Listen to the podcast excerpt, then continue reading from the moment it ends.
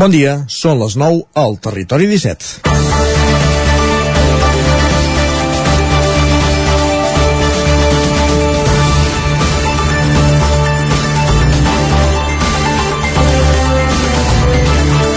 El progressiu tancament d'oficines bancàries està deixant pobles i barris sencers sense servei de banca. Els casos més recents a Osona s'han donat a Torelló i a Manlleu. A Torelló, des d'ahir mateix, el barri de Montserrat s'ha quedat sense cap oficina. Mesos enrere va tancar la de CaixaBank i ara ho ha fet la del BBVA, originàriament de la desapareguda Caixa Manlleu. I a Manlleu, el BBVA també ha anunciat que tancarà la de la plaça de la Sardana. Les accions de protesta en aquests casos sempre van dirigides a recordar que els usuaris d'aquestes oficines són majoritàriament persones grans per a qui la presencialitat és una necessitat i amb dificultats de moviment. Però avui les decisions, i no només les bancàries, es decideixen a partir de números, d'estadístiques i sobretot de volum. Per moltes accions que es facin contra l'anomenada bretxa digital, sempre hi haurà una part de la població que es quedarà al marge d'aquests canvis. Segurament una part irrellevant a ulls de qui pren la decisió. Alguns ens poden haver comunicar-nos virtualment amb el banc, amb el metge o fins i tot amb la botiga de la cantonada, però humanament, i davant mesures com aquesta, hom tendeix a pensar més aviat que vivim en un núvol. Un núvol cada cop més alt i, com diria Marc Parrot... Dels núvols no es baixa, dels núvols es cau. Comença a Territori 17 a la sintonia de la veu de Sant Joan, Ona Codinenca, Ràdio Cardedeu, Ràdio Vic, el 9 FM i el 9 TV. Territori 17, amb Isaac Moreno i Jordi Sunyer.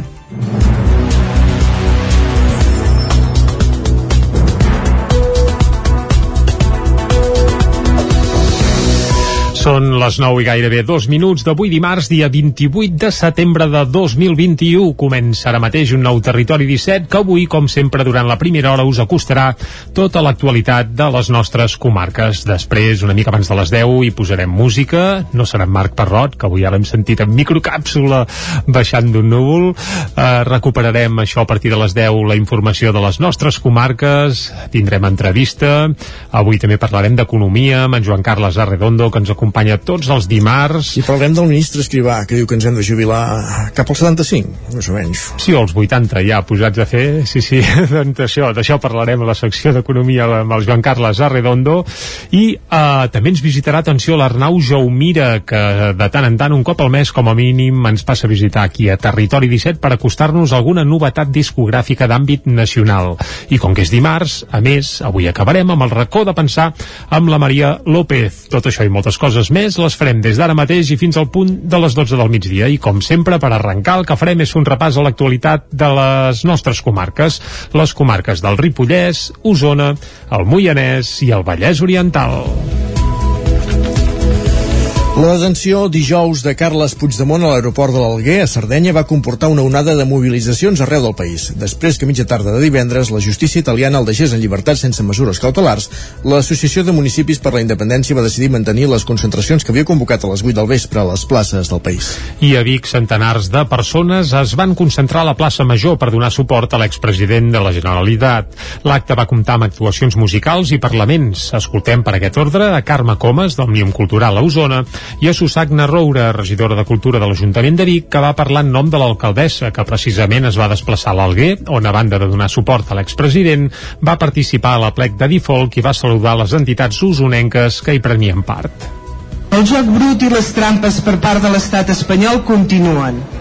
Un estat amb un llindar democràtic precari i que només actua amb un gran sentiment de venjança i d'odi cap al nostre poble i cap als nostres líders polítics amb la posada en llibertat del president Puigdemont, que mai hauria d'haver estat detingut, l'estat espanyol cada vegada està més sol a Europa, davant les seves argúcies legals per destruir el legítim clam d'un poble que vol exercir els seus drets.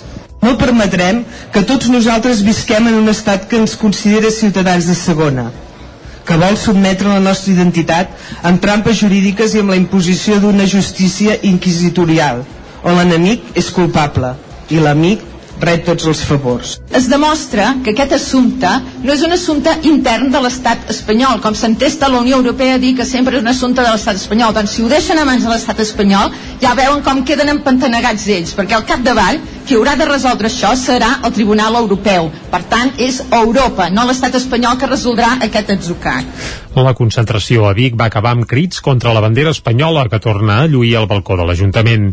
Pel que fa al cas Puigdemont, el president haurà de compareixer dilluns que ve davant la jutgessa de Sassa, a Sardenya, que s'haurà de pronunciar sobre l'extradició o no de l'europarlamentari català.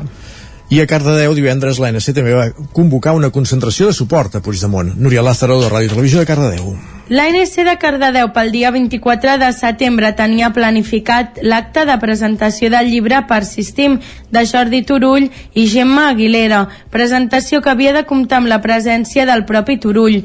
Degut a la detenció de Carles Puigdemont la matinada anterior, l'agenda política es va veure alterada. La presentació del llibre es va plaçar i en lloc seu Cardedeu es va adherir a la crida de l'ANC per fer concentracions enfront dels ajuntaments a les 8 del vespre com a mostra de suport a Carles Puigdemont i en condemna la repressió constant contra l'independentisme. En l'acte de suport van fer un Parlament Toni Porta com a representant de l'ANC de Cardedeu i la tinenta d'alcalde Laia Muñoz, tots dos amb un missatge de resistència i persistir i ja han anunciat actes propers de mobilitzacions. Toni Porta, de l'ANC Cardedeu. El que pretenem a l'ANC és tornar a les mobilitzacions que havíem tingut i que per culpa de la pandèmia doncs ha quedat així tot penjat. I evidentment ja vam, vam començar l'11 de setembre que bueno, va ser un èxit amb la quantitat de gent que hi, va anar. I l'altra cosa és de que pensem que l'1, 2 i 3 d'octubre, que a més a més s'ha de recordar, hi ha gent, oh, sempre esteu recordant lo d'abans. No, perdona, venim d'això. I era un, un, una cosa democràtica que tothom se l'ha passat pel forro i per tant hem de continuar i, i a veure la, la, la, la ANC es va fundar per aconseguir la independència de Catalunya. No, no l'hem no aconseguit, per tant continuem lluitant. L'acte va finalitzar amb un cant de l'himne dels segadors iniciat espontàniament pel propi públic present. Turull no va ser divendres a Cardedeu i tampoc va ser diumenge a Centelles, on se l'esperava al costat de Jordi Sánchez a l'acte que la taula de la democràcia va organitzar, un acte que va servir per homenatjar els defensors de l'esperit del 1 d'octubre. Malgrat figurar en el cartell, l'exconseller de Presidència i el secretari general de Junts per Catalunya no van ser a Centelles, sinó que van desplaçar-se a Sardenya per fer costat a l'expresident. Qui sí que hi va assistir va ser l'activista i actor Jordi Pessarrodona, que va ser l'encarregat de conduir l'acte. L'escoltem. A mi m'han demanat de conduir el, tot el, i moderar tot el que serà les xerrades des de dalt l'escenari i una mica dinamitzar tot aquest acte per mantenir la flama encesa i la mobilització constant que és cap on hem d'anar. A les portes de l'1 d'octubre l'objectiu era retre homenatge als defensors de l'esperit del 1 d'octubre i el centenar de persones que omplien l'aforament limitat de la plaça no van poder escoltar ni a Jordi Turull ni a Jordi Sánchez, però sí que van sentir de primera mà els testimonis de dues de les persones encausades en l'operació Judes, Esther Canet i Germinal Tomàs. I venim a explicar una mica doncs, que aquesta setmana serem, la setmana que ve serem als jutjats en, perquè ens han citat a declarar i això, que ens hem de defensar d'acusacions d'un muntatge policial que l'únic que va voler en el seu moment és fer por per les sentències que havien de sortir del procés i el que van fer doncs, és agafar una mica d'aquí una mica d'allà i amb això es van inventar una causa per portar gent a la presó, que hi van estar-hi per els 4 mesos, i a nosaltres se'ns hi van afegir més tard perquè havíem continuat mantenint-nos actives i organitzades a través de la CDR. Doncs, eh, com anem fent diferents actes antirepressius, és explicar una mica el nostre cas, eh, obrir, intentar fer obrir els ulls a, a, la, a la gent, que normalment ja els té prou oberts, perquè la gent que ve aquest tipus d'acte ja els té prou oberts, però donar una mica més de eh, explicació de, de la situació que ens estem trobant, en aquest cas, els companys del 23S. La jornada també va comptar amb el testimoni de Sílvia Soldavila, de Pigot Negre, que va explicar el paper que juguen els grups de suport en les causes judicials. L'Associació Sardanista 1 d'octubre de Centelles també va participar a l'acte amb una sardana de Germanó. Els indicadors de la Covid-19 pugen lleugerament al Ripollès i ja hi ha gent vacunada amb la tercera dosi. Isaac Muntades, des de la veu de Sant Joan. El risc de rebrot del Ripollès de la Covid-19 és com una muntanya russa perquè tan aviat puja com torna a baixar ràpidament. En comparació a fa una setmana, aquesta xifra ha pujat en més de 50 punts, passant de 150 a 205 si s'observa la setmana del 16 al 22 de setembre. El mapa de la comarca també s'ha pintat de color taronja, ja que la velocitat de propagació del virus URT també s'ha incrementat i ja és d'1,27 punts. I això que la detecció de casos positius ha anat a la baixa des de principis de setembre i només s'han diagnosticat 20 casos de la malaltia. Això sí, la taxa de positivitat ha passat de rondar el 4% a enfilar-se fins al 5,10%. La vacunació continua sent un dels punts forts del Ripollès, ja que 3 de 4 habitants de la comarca, un 75,3%, han rebut almenys una dosi del vaccí, una xifra que en nombre absolut equival a 19.021 persones. En canvi, el percentatge de persones que se'ls ha administrat la pauta completa baixa fins al 73,3%, unes 18.524 persones. Fins i tot al Ripollès ja hi ha un petit percentatge de persones, un 1%, que equival a 262 habitants que han rebut la tercera dosi. Cal destacar que a partir del 30 de setembre el Departament de Salut tancarà la sala d'Algrells de Ripoll com a punt de vacunació massiu. Des de l'inici de la pandèmia, al Ripollès s'han confirmat 3.113 casos, per tant significa que un 12,3% dels habitants de la comarca s'han contagiat amb la Covid-19. Actualment també hi ha una persona ingressada a l'Hospital de Camp de Bànol. Pel que fa als centres escolars, augmenta lleugerament la xifra d'alumnes confinats a la comarca, els quals es concentren a Camp de Bànol. En total, el Ripollès té dues aules aïllades amb 46 persones a casa, sis més que fa una setmana. Després que hagi passat la festa major de Can de curiosament és l'escola Pirineu el centre més afectat amb 40 nens i dos professors confinats, ja que s'han detectat 10 positius en els darrers 10 dies, dels quals només n'hi ha un d'un docent. A la llar d'infants al Barrufet, també de Can de hi ha dos nens aïllats per donar positiu a la prova de la Covid-19. En canvi, tant a l'escola Badruna com als Salesians de Ripoll hi ha un mestre i un alumne aïllat respectivament per haver donat positiu. Gràcies, Isaac. Com els explicàvem a la portada, el progressiu tancament d'oficines bancàries està deixant pobles i barris sencers sense servei de banca. Els casos més recents a Osona s'han donat a Torelló i a Manlleu. A Torelló, des d'ahir mateix, el barri de Montserrat s'ha quedat sense cap oficina i a Manlleu el BBVA també ha anunciat que tancarà la de la plaça de la Sardana. Divendres passat, precisament, es va fer una concentració davant l'oficina del BBVA de la plaça de la Sardana de Manlleu per protestar contra un nou tancament que deixarà tot un barri sencer sense sucursals bancàries. A Manlleu, a més, més, el BBVA, que recull l'herència del que havia sigut Caixa Manlleu, es quedarà amb una única oficina, la central que hi ha a la plaça Fra Bernadí. La concentració que es va fer a Manlleu, convocada a través de les xarxes socials, va plegar una trentena de persones que van mostrar pancartes contra el tancament i van fer sentir el seu malestar. El tancament d'oficines a Osona no acaba aquí. El barri de Montserrat de Torelló també s'ha quedat sense cap oficina bancària després que divendres obrís per última vegada l'última que quedava. El juliol ja va tancar la de CaixaBank i ahir ja no va obrir portes la del BBVA, de manera que el barri s'ha quedat sense sucursals ni serveis bancaris. Mercè Faja és la regidora de Promoció Econòmica i Comerç de l'Ajuntament de Torelló. Per nosaltres doncs, és una mala notícia, sobretot perquè afecta uh, un barri bastant important, un barri que eh, com és el barri de Montserrat, que també hi ha una majoria de gent gran, que perdre aquestes, aquest servei d'oficines i només deixar-los amb caixers eh, s'hagin de desplaçar tot i que les entitats asseguren i venen que l'atenció és telefònica i que ho, solventaràs tot per telèfon, no? s'hagin de desplaçar el que és el, el, el centre del poble, per tant eh, sí que pot, hi pot haver-hi aquí un problema de mobilitat. Per intentar ajudar sobretot a les persones més grans, a Torelló estan estudiant la possibilitat de fer cursos per tal que aprenguin a operar a través d'internet. Ens estem plantejant doncs, des de l'àrea de, de promoció econòmica de, de l'Ajuntament eh, com ajudar en aquestes persones grans si a través d'una formació amb, amb, amb, amb tecnologies així o amb un espai adequat en què hi hagi una connectivitat i tinguin un suport, vull dir, ho tenim a sobre, a sobre la taula i mirarem per en poc temps eh, poder donar un, una ajuda cap a aquesta situació. Mentrestant, però, el degotall d'oficines bancàries que va tancant no sembla que s'hagi d'aturar. A Catalunya, des que va esclatar la crisi del 2008, s'han tancat el 65% de sucursals bancàries i prop de 500 pobles ja no tenen ni caixer automàtic. Les obres de construcció del pas soterrat de la C-59 a l'alçada de Caldes de Montbui ja han començat i tenen un termini d'execució d'uns 10 mesos. Caral Campàs, des d'Ona Codinenca. Les obres de construcció del pas soterrat de la C-59 a l'alçada del cementiri de Caldes de Montbui ja afecten la calçada i, per tant, també tenen incidència al trànsit en aquesta zona. De moment, l'accés a la C-59 pel carrer Vigues s'ha tallat, però només en direcció a l'exterior del nucli urbà. D'aquesta manera es recomana als vehicles accedir a la C-59 pel passeig del Remei. D'aquí uns mesos, quan comenci la segona fase de les obres, l'accés al camí del cementiri quedarà restringit. Les últimes setmanes s'havien iniciat els treballs previs i preparatoris i aquesta setmana passada els operaris van dur a terme les actuacions necessàries per desviar la circulació i començar la construcció efectiva del pas soterrat. Aquestes obres responen a una demanda llargament reclamada des de la població calderina. De fet, fa uns mesos un tràgic accident va deixar una víctima mortal en aquest punt arran del xoc entre dos peatons que volien creuar la C-59 i una motocicleta bicicleta. Esports. Gran expectació aquest cap de setmana al Lluçanès per veure una prova del Campionat d'Espanya d'Enduro.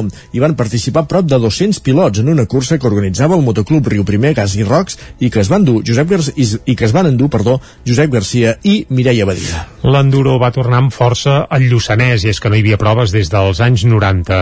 Els millors pilots van brillar en la quarta i penúltima prova del Campionat d'Espanya que es va fer pels voltants de la Torre d'Oristà durant tot el cap de setmana. No hi va haver sorpreses i els grans favorits, Josep Garcia i Mireia Badia van ser els millors en el global dels dos dies de competició. Finalment van ser prop de 200 els pilots que van disputar la prova, repartida en tres trams, dos a la Torre d'Oristà i un altre a Oristà. El temps i la calor van acompanyar i això va fer que l'afluència del públic fos molt notable durant els dos dies, especialment en els punts més espectaculars amb salts que havien preparat des del motoclub Riu Primer Gas i Rocs, que és qui organitzava la prova. Més de 150 voluntaris van ajudar a gestionar els dos dies de la cursa. Pel que fa a la classificació, Garcia es va imposar amb autoritat dissabte, sent líder en tot moment, seguit de Jaume Batriu, Marc Sanz i Sergio Navarro. A la jornada de diumenge s'hi van sumar Bernat Cortés, que els primers trams fins i tot va ser més ràpid que Garcia. El campió, però, va reaccionar i va tornar a marcar el ritme per imposar-se clarament. Pau Tomàs va ser el millor usonenc amb un vuitè lloc dissabte i un novè a la jornada de diumenge. En categoria femenina, Mireia Badia, que viu a Sant Julià de Vilatorta, tampoc va tenir rival i es va imposar a Alba Alba Vilaplana, que va ser segona. Amb la victòria de dissabte, Badia es va proclamar campiona d'Espanya per sisè cop consecutiu i ara intentarà plantar cara a Laia Sanz al Mundial femení. Precisament Sanz també va competir a la Torre d'Oristà, però ho feia dins la categoria Scratch i no computava per la classificació femenina.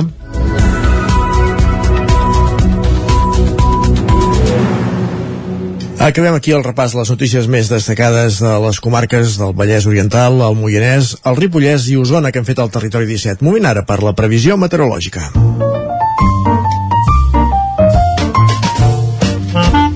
Casa Terradellos us ofereix el temps. I com sempre, la previsió meteorològica ens arriba de la mà d'en Pep Acosta, a qui ja saludem. Bon dia, Pep.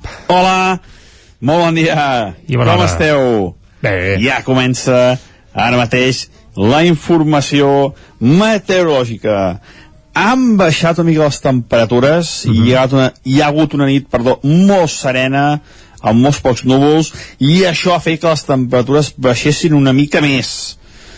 Per exemple, les més baixes, 9 graus a Puig de Zolles, a dalt de tot del Montseny, també 9 graus a Sant Pau de Segúries, 10 a Vilabrau, sota el Montseny, i també 10 a Molló. Ja veieu que fa una mica més de fresca, inclús una mica de fred, però bueno, n'hauria de fer una mica més, eh? No acabo d'estar del tot content amb aquestes temperatures que tenim. Veurem els pròxims dies què passa, però sembla que aniran baixant més, sobretot les temperatures mínimes. Però bueno, no avanço, no vull fer molt avançament perquè fa el panorama meteorològic i ens centrem en el dia d'avui després uh, d'un dia gairebé d'estiu. Ahir vam tenir un dia, jo diria, d'estiu gairebé, vam superar els 30 graus al peritoral, uh, calor, molts pocs núvols, molt poca comentada el dia d'ahir, eh, vents de sud, de sud-est, que són els responsables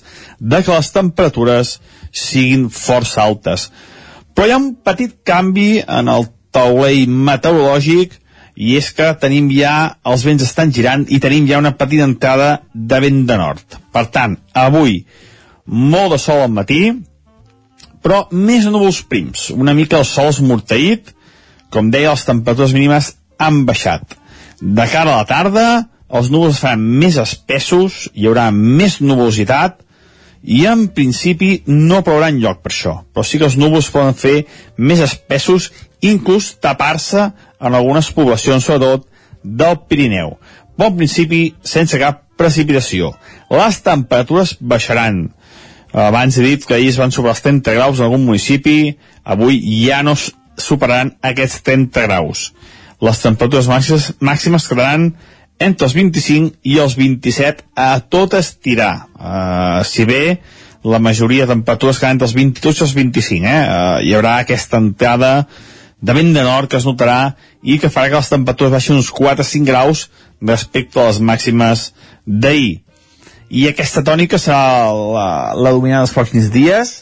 Hi haurà més entrada de vent de nord i també la inestabilitat anirà més. Uh, és possible ruixats, precipitacions veurem què passa de cara als pròxims dies però per fi sembla que el tardor es vol imposar i la inestabilitat i les temperatures fresques seran la tònica dominant. Moltes gràcies, adéu, bon dia. Vinga, gràcies a tu, Pep. Uh, bé fred, eh, Isaac? Serà sí. qüestió d'agafar el jerseiet. De fet, toca, eh? Sí, home, ja sí, sí. s'acaba el setembre, el tenim ja... Som a la tardor, ja. Ah, exacte, des del passat dimecres, crec que era, ja, ja ni me'n recordo, fa tant. Passa tot molt de pressa. Tanquem aquí el bloc meteorològic i anem a repassar portades. Vinga, som -hi, Casa Tarradellas us ha ofert aquest espai. Territori 17. Envia'ns les teves notes de veu per WhatsApp al 646 079 023. 646 079 023. WhatsApp Territori 17.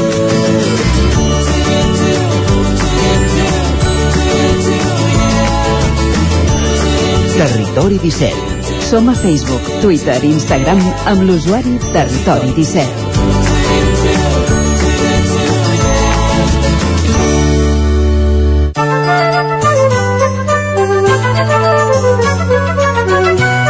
Doncs exactament, tal com deia Jordi, moment de repassar les portades de la premsa que surt avui als quioscos, mm -hmm. llibreries i de més establiments on venguin premsa.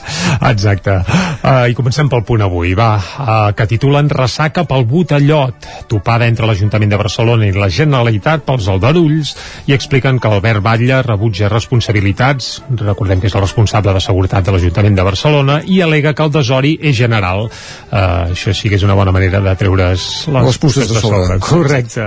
També titulen que Escolts, uh, no sé pas com ho diré això, eh? Escolts, és, costa, ah, eh? Ja, ja ho aprendrem, eh? Si acaba sent la nova Merkel. Exacte. Doncs que evita l'eufòria i busca formar un tripartit. El líder de l'SPD alemany vol un acord amb verds i liberals. Recordem que diumenge van ser eleccions a Alemanya, que tot va quedar molt obert, però qui va guanyar va ser uh, l'Escolts.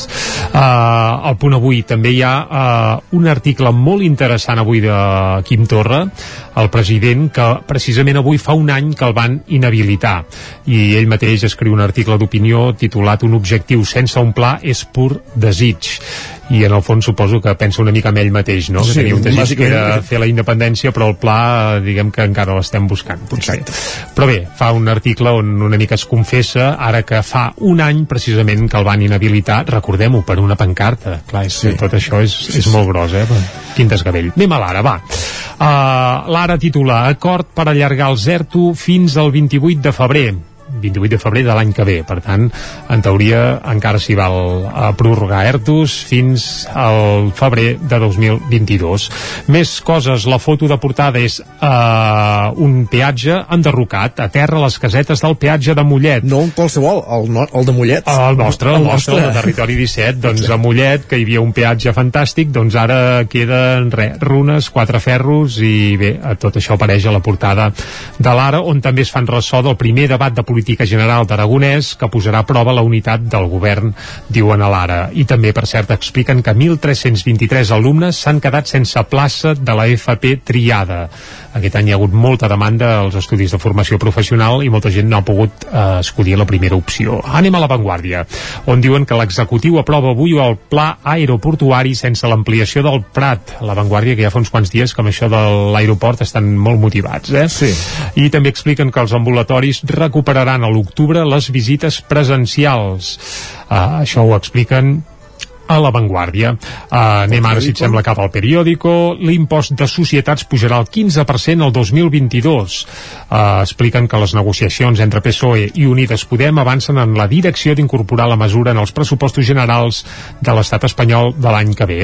I a la foto és per la nova droga va en globus. I expliquen que en aquests botellots i en altres concentracions de joves es veu que el que triomfa ara són les inhalacions d'òxid nitrós que proliferen i molt es veu a l'aire lliure. Això ho al·lucinat allò de la cola de quan érem joves, no? Sí, eh, la veritat és que no entrarem gaire a detallar res, però bé, les fotos són espectaculars, eh? Es veuen un grup de joves jugant a inflar globus i penses, ostres, guaita, com s'ho passen de bé, no? Però clar, el que estan és inhalant un gas que en teoria té uns efectes eh, bé, no entrarem a detallar-los. No. Anem a les- Eh, anem a les temps de portades Madrid. de Madrid, eh, comencem pel País, on obren també parlant d'Alemanya, Scholz ofereix un tripartit als verds i als liberals.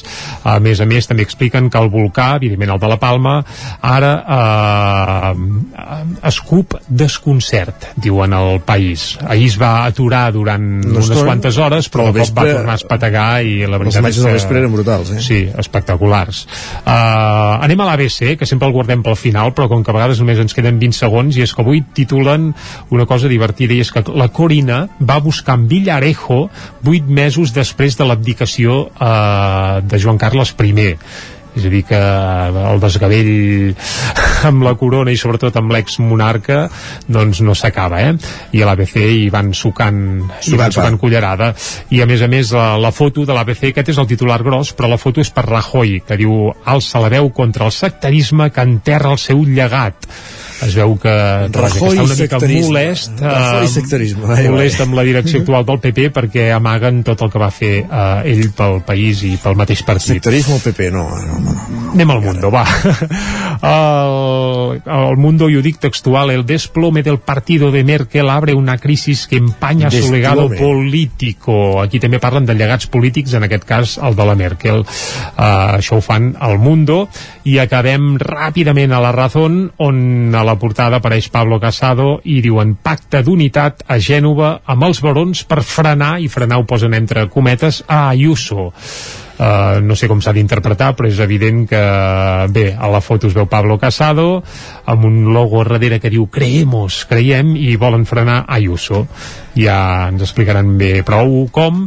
I res, ràpidament, el socialdemòcrata Scholz busca un govern amb verds i liberals, un titular que ja havíem vist també, en aquest cas, algun diari català. I fins aquí el repàs a les portades d'avui. Perfecte, doncs 3 minutets de pausa i tornem a dos quarts en punt amb més notícies de les comarques del territori 17. Fins ara mateix.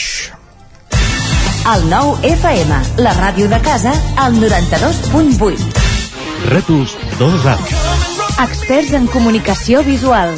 Rètols, banderoles, vinils, impressió, plaques gravades, senyalització, display... Rètols Dos Art. Ja són 25 anys al vostre servei. Ens trobareu a la carretera de Vic a Olot, número 7, al polígon Malloles de Vic.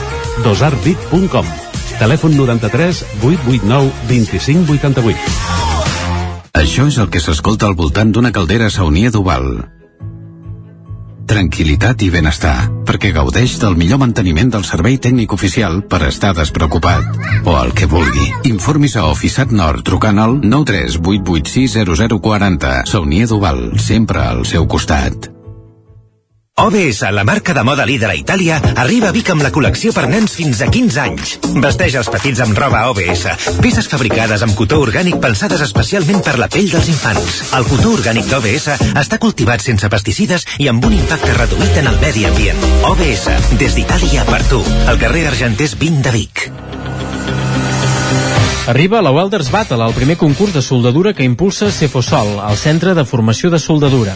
Anima't a participar-hi a títol personal o representant la teva empresa o institució. Premis pels guanyadors, obsequis per als participants i moltes sorpreses més.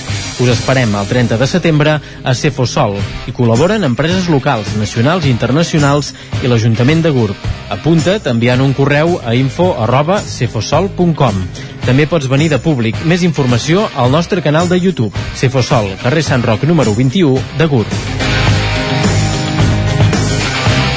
Cobertes serveis funeraris. Els nostres tanatoris estan ubicats en els nuclis urbans més poblats de la comarca d'Osona per oferir un millor servei. Tanatori de Vic, Tanatori de Manlleu, Tanatori de Centelles i Tanatori de Roda de Ter.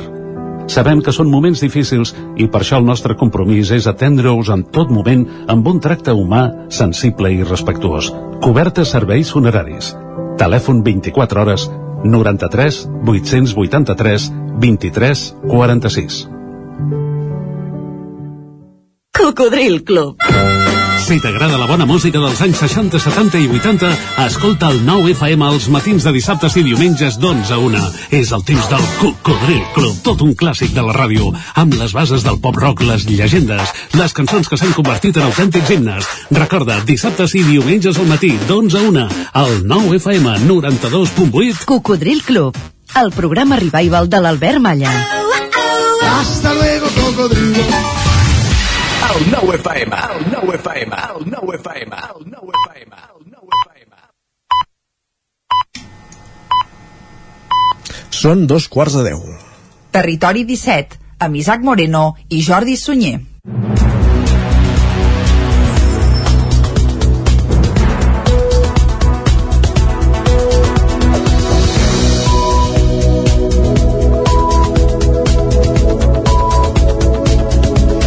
Dos quarts de deu, doncs, seguim en directe aquí a Territori 17 i de seguida us acostarem de nou tota l'actualitat de les nostres comarques. Després, una mica abans de les 10, hi posarem música, recuperarem la informació de casa nostra, a l'entrevista descobrirem els detalls d'un cicle de jazz a Cardedeu, un cicle que ja té uns quants anys d'història.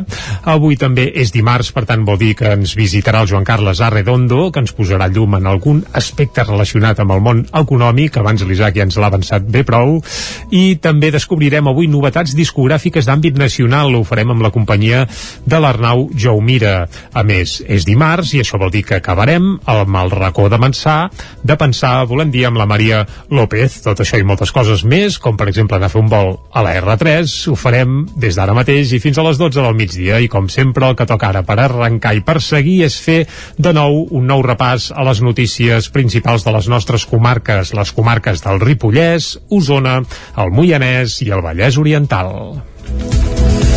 La detenció dijous de Carles Puigdemont a l'aeroport de l'Alguer, a Sardenya, va comportar una onada de mobilitzacions arreu del país. Després que mitja tarda de divendres la justícia italiana el deixés en llibertat sense mesures cautelars, l'Associació de Municipis per la Independència va decidir mantenir les concentracions que havia convocat a les 8 del vespre a les places del país. I a Vic, centenars de persones es van concentrar a la plaça Major per donar suport a l'expresident de la Generalitat. L'acte va comptar amb actuacions musicals i parlaments. Escoltem per aquest ordre a Carme Comas, d'Òmnium Cultural a Osona, i a Susagna Roura, regidora de Cultura de l'Ajuntament de Vic, que va parlar en nom de l'alcaldessa, que precisament es va desplaçar a l'Alguer, on a banda de donar suport a l'expresident, va participar a la plec de Difolc i va saludar les entitats usonenques que hi prenien part. El joc brut i les trampes per part de l'estat espanyol continuen. Un estat amb un llindar democràtic precari i que només actua amb un gran sentiment de venjança i d'odi cap al nostre poble i cap als nostres líders polítics amb la posada en llibertat del president Puigdemont, que mai hauria d'haver estat detingut, l'estat espanyol cada vegada està més sol a Europa, davant les seves argúcies legals per destruir el legítim clam d'un poble que vol exercir els seus drets. No permetrem que tots nosaltres visquem en un estat que ens considera ciutadans de segona, que vol sotmetre la nostra identitat amb trampes jurídiques i amb la imposició d'una justícia inquisitorial, on l'enemic és culpable i l'amic rep tots els favors. Es demostra que aquest assumpte no és un assumpte intern de l'estat espanyol, com s'entesta la Unió Europea a dir que sempre és un assumpte de l'estat espanyol. Doncs si ho deixen a mans de l'estat espanyol, ja veuen com queden empantanegats ells, perquè al capdavall qui haurà de resoldre això serà el Tribunal Europeu. Per tant, és Europa, no l'estat espanyol, que resoldrà aquest atzucat. La concentració a Vic va acabar amb crits contra la bandera espanyola que torna a lluir al balcó de l'Ajuntament. Pel que fa al cas Puigdemont, el president haurà de compareixer dilluns que ve davant la jutgessa de Sassa, a Sardenya, que s'haurà de pronunciar sobre l'extradició o no de l'europarlamentari català. I a Cardedeu divendres l'ANC també va convocar una concentració de suport a Puigdemont. Núria Lázaro, de Ràdio Televisió de Cardedeu. L'ANC de Cardedeu pel dia 24 de setembre tenia planificat l'acte de presentació del llibre Persistim de Jordi Turull i Gemma Aguilera, presentació que havia de comptar amb la presència del propi Turull. Degut a la detenció de Carles Puigdemont la matinada anterior, l'agenda política es va veure alterada. La presentació del llibre es va plaçar i en lloc seu Cardedeu es va adherir a la crida de l'ANC per fer concentracions enfront dels ajuntaments a les 8 del vespre com a mostra de suport a Carles Puigdemont i en condemna la repressió constant contra l'independentisme. En l'acte de suport van fer un Parlament Toni Porta com a representant de l'ANC de Cardedeu i la tinenta d'alcalde Laia Muñoz, tots dos amb un missatge de resistència i persistir i ja han anunciat actes propers de mobilitzacions. Toni Porta, de l'ANC Cardedeu.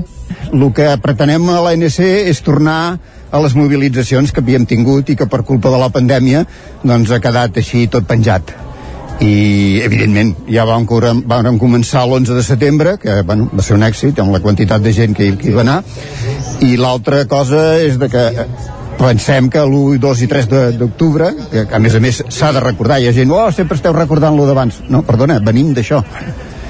I era un, un, una cosa democràtica que tothom se l'ha passat pel forro. I, per tant, hem de continuar. I, i a veure, la, la, la, la ANC es va fundar per aconseguir la independència de Catalunya. No, no l'hem no aconseguit, per tant continuem lluitant. L'acte va finalitzar amb un cant de l'himne dels segadors iniciat espontàniament pel propi públic present. Turull no va ser divendres a Cardedeu i tampoc va ser diumenge a Centelles, on se l'esperava al costat de Jordi Sánchez a l'acte que la taula de la democràcia va organitzar, un acte que va servir per homenatjar els defensors de l'esperit del 1 d'octubre. Malgrat figurar en el cartell, l'exconseller de Presidència i el secretari general de Junts per Catalunya no van ser a Centelles, sinó que van desplaçar-se a Sardenya per fer costat a l'expresident. Qui sí que hi va assistir va ser l'activista i actor Jordi Pessarrodona, que va ser l'encarregat de conduir l'acte. L'escoltem. A mi m'han demanat de conduir el, tot el, i moderar tot el que serà les xerrades des de dalt l'escenari i una mica dinamitzar tot aquest acte per mantenir la flama encesa i la mobilització constant que és cap on hem d'anar.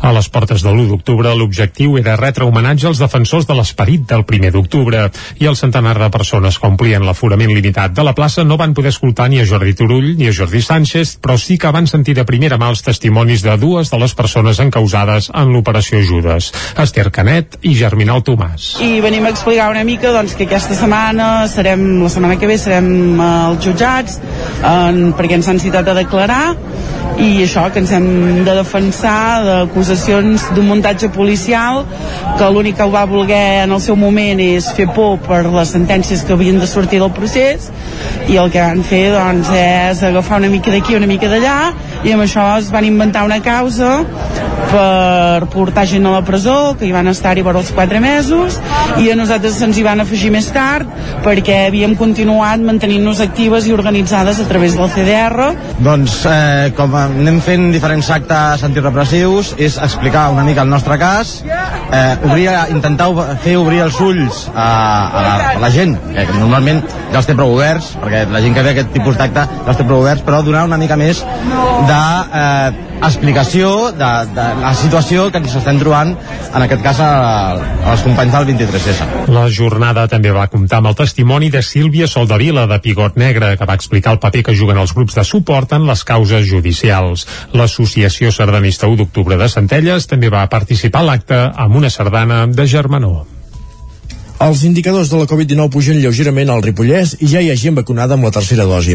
Isaac Muntades des de la veu de Sant Joan. El risc de rebrot del Ripollès de la Covid-19 és com una muntanya russa perquè tan aviat puja com torna a baixar ràpidament. En comparació a fa una setmana, aquesta xifra ha pujat en més de 50 punts, passant de 150 a 205 si s'observa la setmana del 16 al 22 de setembre. El mapa de la comarca també s'ha pintat de color taronja, ja que la velocitat de propagació del virus URT també s'ha incrementat i ja és d'1,27 punts. I això que la detecció de casos positius ha anat a la baixa des de principis de setembre i només s'han diagnosticat 20 casos de la malaltia. Això sí, la taxa de positivitat ha passat de rondar el 4% a enfilar-se fins al 5,10%. La vacunació continua sent un dels punts forts del Ripollès, ja que 3 de 4 habitants de la comarca, un 75,3%, han rebut almenys una dosi del vaccí, una xifra que en nombre absolut equival a 19.021 persones. En canvi, el percentatge de persones que se'ls ha administrat la pauta completa baixa fins al 73,3%, unes 18.524 persones. Fins i tot al Ripollès ja hi ha un petit percentatge de persones, un 1%, que equival a 262 habitants que han rebut la tercera dosi. Cal destacar que a partir del 30 de setembre el Departament de Salut tancarà la Salut del Grells de Ripoll com a punt de vacunació massiu. Des de l'inici de la pandèmia, al Ripollès s'han confirmat 3.113 casos, per tant significa que un 12,3% dels habitants de la comarca s'han contagiat amb la Covid-19. Actualment també hi ha una persona ingressada a l'Hospital de Camp de Bànol. Pel que fa als centres escolars, augmenta lleugerament la xifra d'alumnes confinats a la comarca, els quals es concentren a Camp de Bànol. En total, el Ripollès té dues aules aïllades amb 46 persones a casa, sis més que fa una setmana. Després que hagi passat la festa major de de Bànol, curiosament és l'escola Pirineu el centre més afectat amb 40 nens i dos professors confinats, ja que s'han detectat 10 positius en els darrers 10 dies, dels quals només n'hi ha un d'un docent. A la llar d'infants al Barrufet, també de Can Bànol, hi ha dos nens aïllats per donar positiu a la prova de la Covid-19. En canvi, tant a l'escola Badruna com als Salesians de Ripoll hi ha un mestre i un alumne aïllat respectivament per haver donat positiu.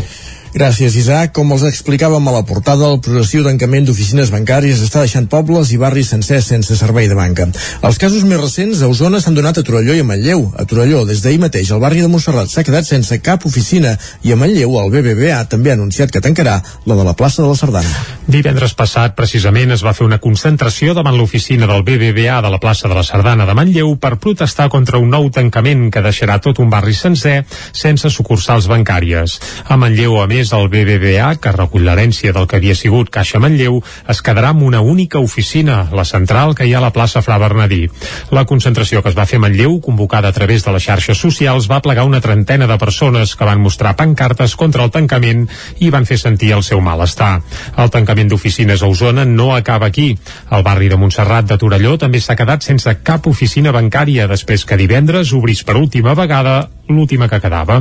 El juliol ja va tancar la de CaixaBank i ahir ja no va obrir portes la del BBVA, de manera que el barri s'ha quedat sense sucursals ni serveis bancaris.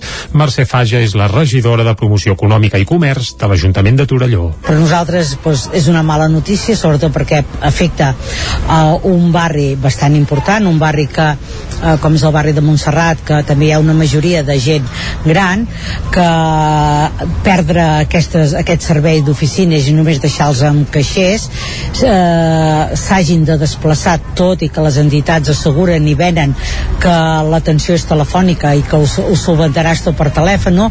s'hagin de desplaçar el que és el, el, el centre del poble per tant eh, sí que pot, hi pot haver-hi aquí un problema de mobilitat per intentar ajudar sobretot a les persones més grans, a Torelló estan estudiant la possibilitat de fer cursos per tal que aprenguin a operar a través d'internet. Ens estem plantejant doncs, des de l'àrea de, de formació econòmica de, de l'Ajuntament eh, com ajudar en aquestes persones grans si a través d'una formació amb, amb, amb, amb tecnologies així o amb un espai adequat en què hi hagi una connectivitat i tinguin un suport, vull dir, ho tenim a sobre, a sobre la taula i mirarem per en poc temps eh, poder donar un, una ajuda cap a aquesta situació.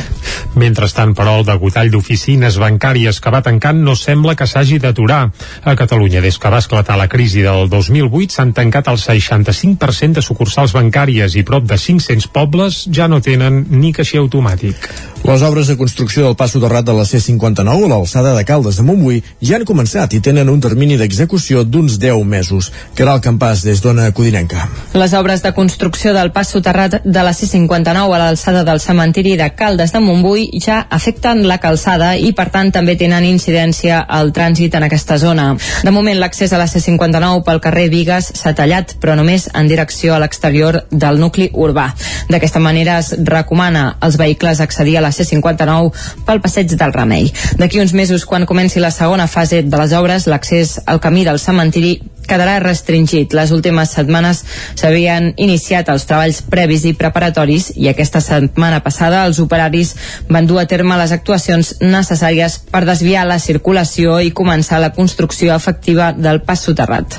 Aquestes obres responen a una demanda llargament reclamada des de la població calderina. De fet, fa uns mesos un tràgic accident va deixar una víctima mortal en aquest punt arran del xoc entre dos peatons que volien creuar la C-59 i una motocicleta.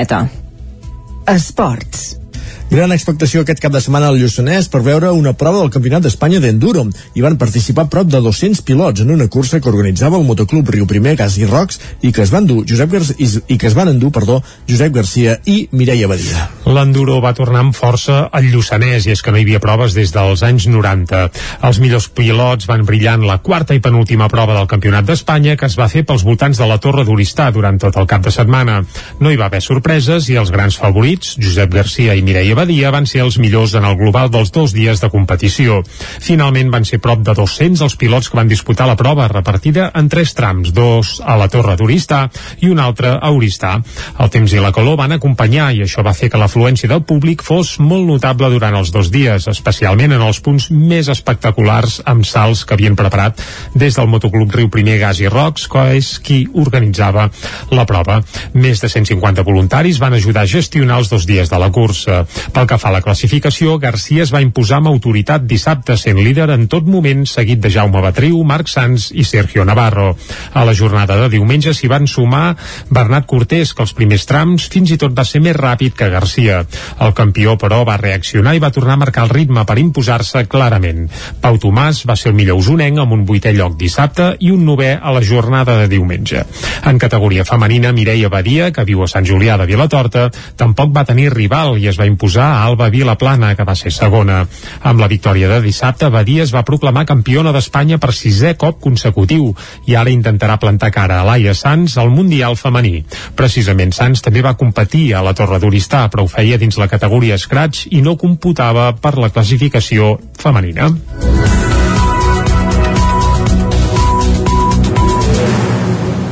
Acabem aquí el repàs de les notícies més destacades de les comarques del Vallès Oriental, el Moianès, el Ripollès i Osona que han fet el territori 17. Moment ara per la previsió meteorològica.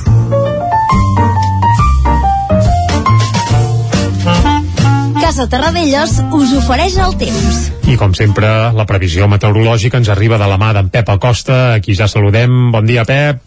Hola, molt bon dia. I bona Com hora. esteu? Bé. Ja comença ara mateix la informació meteorològica. Han baixat una mica les temperatures Mhm. i hi ha, una, hi ha hagut una nit perdó, molt serena, amb molts pocs núvols, i això ha fet que les temperatures baixessin una mica més. Per exemple, les més baixes, 9 graus a Puig de Zolles, a dalt de tot del Montseny, també 9 graus a Sant Pau de Segúries, 10 a Vilagrau, a sota el Montseny, i també 10 a Molló. Ja veieu que fa una mica més de fresca, inclús una mica de fred, però bueno, n'hauria de fer una mica més, eh? No acabo d'estar tot content amb aquestes temperatures que tenim. Veurem els pròxims dies què passa, però sembla que aniran baixant més, sobretot les temperatures mínimes. Però bueno, no avanço, no vull fer molt avançament perquè fa el panorama meteorològic i ens centrem en el dia d'avui després uh, d'un dia gairebé d'estiu. Ahir vam tenir un dia, jo diria, d'estiu gairebé, vam superar els 30 graus al peritoral, uh, calor, molts pocs núvols, molt poca comentada el dia d'ahir, eh, vents de sud, de sud-est, que són els responsables de que les temperatures siguin força altes. Però hi ha un petit canvi en el taulell meteorològic i és que tenim ja, els vents estan girant i tenim ja una petita entrada de vent de nord. Per tant, avui, molt de sol al matí, però més núvols prims, una mica el sol esmorteït, com deia, les temperatures mínimes han baixat. De cara a la tarda, els núvols faran més espessos, hi haurà més nuvolositat, i en principi no plourà lloc per això, però sí que els núvols poden fer més espessos, inclús tapar-se en algunes poblacions, sobretot del Pirineu. Bon principi, sense cap precipitació. Les temperatures baixaran. Abans he dit que ahir es van sobre els 30 graus en algun municipi, avui ja no superaran aquests 30 graus. Les temperatures màximes, màximes quedaran entre els 25 i els 27 a tot estirar. Uh, si bé la majoria temperatures quedaran entre els 22 i els 25, eh? Uh, hi haurà aquesta entrada de vent de nord que es notarà i que farà que les temperatures baixin uns 4-5 graus respecte a les màximes d'ahir. I aquesta tònica serà la, la dominant dels pròxims dies, hi haurà més entrada de vent de nord i també la inestabilitat anirà més. Uh, és possible ruixats, precipitacions, veurem què passa de cara als pròxims dies, però per fi sembla que el tardor es vol imposar i la inestabilitat i les temperatures fresques seran la tònica dominant. Moltes gràcies, adéu, bon dia. Vinga, gràcies a tu, Pep. Uh, bé fred, eh, Isaac? Serà Sí. qüestió d'agafar el jerseiet. De o fet, toca, eh? Sí, home, ja Sí, sí. s'acaba el setembre, el tenim ja... Som a la tardor, ja. Ah, exacte, des del passat dimecres, crec que era, ja, ja ni me'n recordo, fa tant.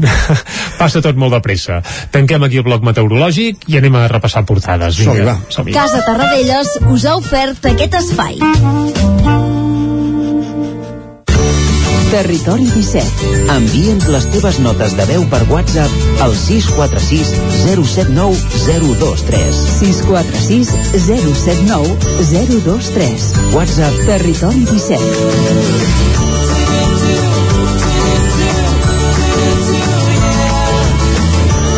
Territori 17. Som a Facebook, Twitter i Instagram amb l'usuari Territori 17.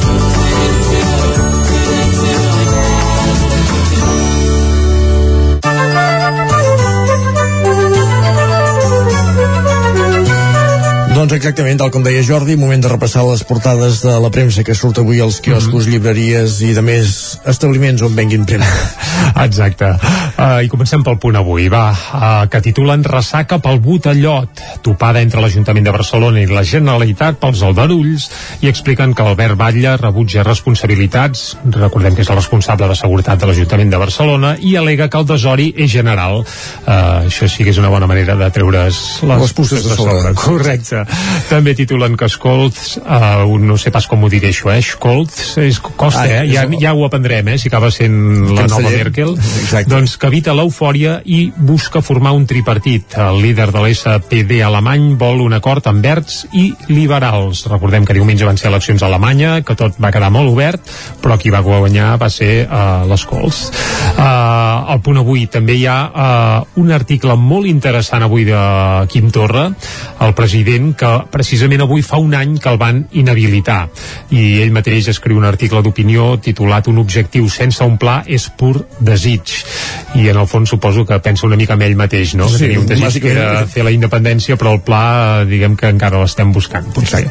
Però bé, fa un article on una mica es confessa, ara que fa un any precisament que el van inhabilitar, recordem-ho, per una pancarta. Clar, és, sí. tot això és, és molt gros, eh? Quin desgavell. Anem a l'ara, va. Uh, L'ara titula Acord per allargar el ZERTO fins al 28 de febrer 28 de febrer de l'any que ve. Per tant, en teoria, encara s'hi val a prorrogar ERTOs fins al febrer de 2022. Més coses. La foto de portada és uh, un peatge enderrocat a terra les casetes del peatge de Mollet. No un qualsevol, el, no, el de Mollet. El nostre, el, El nostre, el de Territori 17, doncs a Mollet, que hi havia un peatge fantàstic, doncs ara queden res, runes, quatre ferros i bé, eh, tot això apareix a la portada de l'Ara, on també es fan ressò del primer debat de política general d'Aragonès que posarà a prova la unitat del govern, diuen a l'Ara. I també, per cert, expliquen que 1.323 alumnes s'han quedat sense plaça de la FP triada. Aquest any hi ha hagut molta demanda als estudis de formació professional i molta gent no ha pogut eh, escollir la primera opció. Anem a l'avantguàrdia, on diuen que l'executiu aprova avui el pla aeroportuari sense l'ampliació del Prat. L'avantguàrdia que ja fa uns quants dies que amb això de l'aeroport estan molt motivats, eh? Sí. I també expliquen que els ambulatoris recuperaran a l'octubre les visites presencials. Uh, això ho expliquen a l'avantguàrdia. Uh, anem ara, si et sembla, cap al periòdico. L'impost de societats pujarà al 15% el 2022.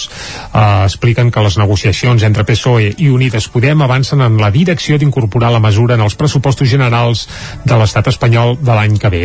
I a la foto és per la nova droga va en globus. I expliquen que en aquests botellots i en altres concentracions de joves es veu que el que triomfa ara són les inhalacions d'òxid nitrós que proliferen i molt es veu a l'aire lliure. Això ho al·lucinat allò de la cola de quan érem joves, no? Sí, eh, la veritat és que no entrarem gaire a detallar res, però bé, les fotos són espectaculars, eh? es veuen un grup de joves jugant a inflar globus i penses, ostres, guaita, com s'ho passen de bé, no? Però clar, el que estan és inhalant un gas que en teoria té uns efectes eh, bé, no entrarem a detallar-los. No. Anem a les- Eh, anem a les de portades de Madrid, eh, comencem pel País, on obren també parlant d'Alemanya, Scholz ofereix un tripartit als verds i als liberals.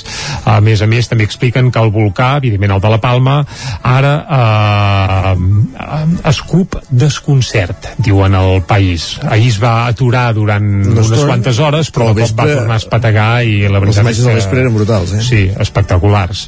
Uh, anem a l'ABC, que sempre el guardem pel final, però com que a vegades només ens queden 20 segons, i és que avui titulen una cosa divertida, i és que la Corina va buscar en Villarejo 8 mesos després de l'abdicació uh, de Joan Carles I és a dir que el desgavell amb la corona i sobretot amb l'ex-monarca doncs no s'acaba, eh?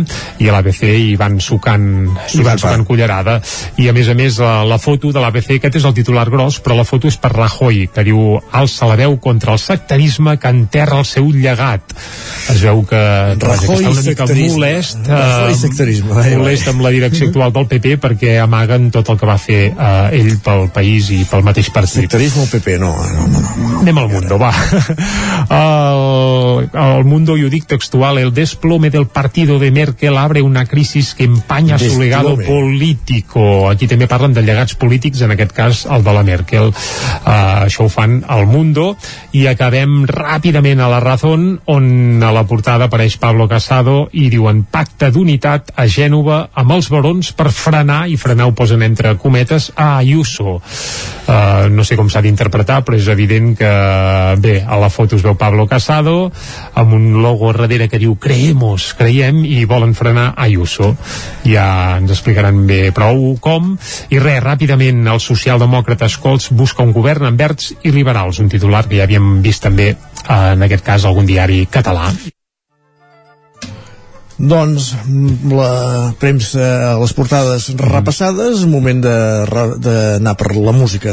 Exacte, matí, va. eh, Jordi? Com sempre, abans d'arribar al punt de les 10, posem una mica de música per destensionar després d'aquest repàs a portades, on avui hi havia dos grans temes. Un és, evidentment, la ressaca de les eleccions alemanyes i l'altre, doncs bé, sobretot a les portades catalanes, aquest any que fa ja de la inhabilitació del president Torra. Bé, un, un any que només bàsicament sortia al punt avui, la resta de, de mitjans sembla que no se'n recordaven gaire, i ara de fons ja estem escoltant la cançó d'avui. I, eh, Isaac, ja la coneixes, no? Oh, i tant. Ah. Sento la de- la d'en Joan Garriga, de fons. Joan Garriga, Joan Garriga d'Usminguet deia en aquella època d'aquesta cançó, atenció, perquè avui en fa 15 anys, és a dir, fa 15 anys que Joan Garriga va deixar d'Usminguet i va fundar la Trova Kung Fu una formació... tampoc- tampoc està operativa, Sí, no, no, ara el Joan Garriga va amb el Mariachi. mariachi galàctic i la droga Fu la té aparcada. Bé, fet i fotut en Joan Garriga, sempre ha estat en Joan Garriga i amb els noms que ha anat posant als seus projectes, doncs Correcte. cadascú que interpreti el que vulgui. Doncs fa 15 anys va muntar, entre cometes, la Trova Kung Fu, el grup que va recollir l'herència dels Dusminguet, aleshores extingits, i per donar-se a conèixer va publicar una primera cançó. Quina va ser? Doncs la que estem escoltant ara mateix. Uh, la veu Clavell Moranet, que clar, la, de, la gent n'hi diu la Déu Clavell Morenet, però clar, és la cançó del lladre, una cançó tradicional catalana d'aquelles de tota la vida, que ell va revisionar amb clau rumbera i li va donar aquest to que ja l'ha convertit en una peça immortal i conegudíssima arreu dels països catalans. Per tant, avui, Isaac, si et sembla, arribem fins Sembla a les 10 amb aquesta cançó del lladre de Joan Garriga, una cançó que aquests dies està d'aniversari perquè compleix el seu, això, 15è anys, 15 anys, com passa el temps, eh? És terrible. Està en plena adolescència. Sí. Vinga, alegria, va. I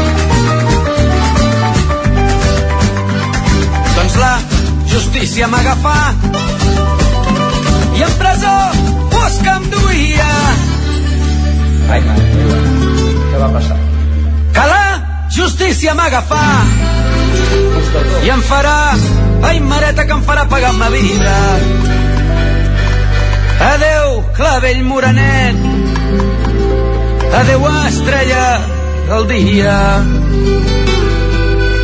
Adeu, clavell morenet. Adeu, estrella del dia.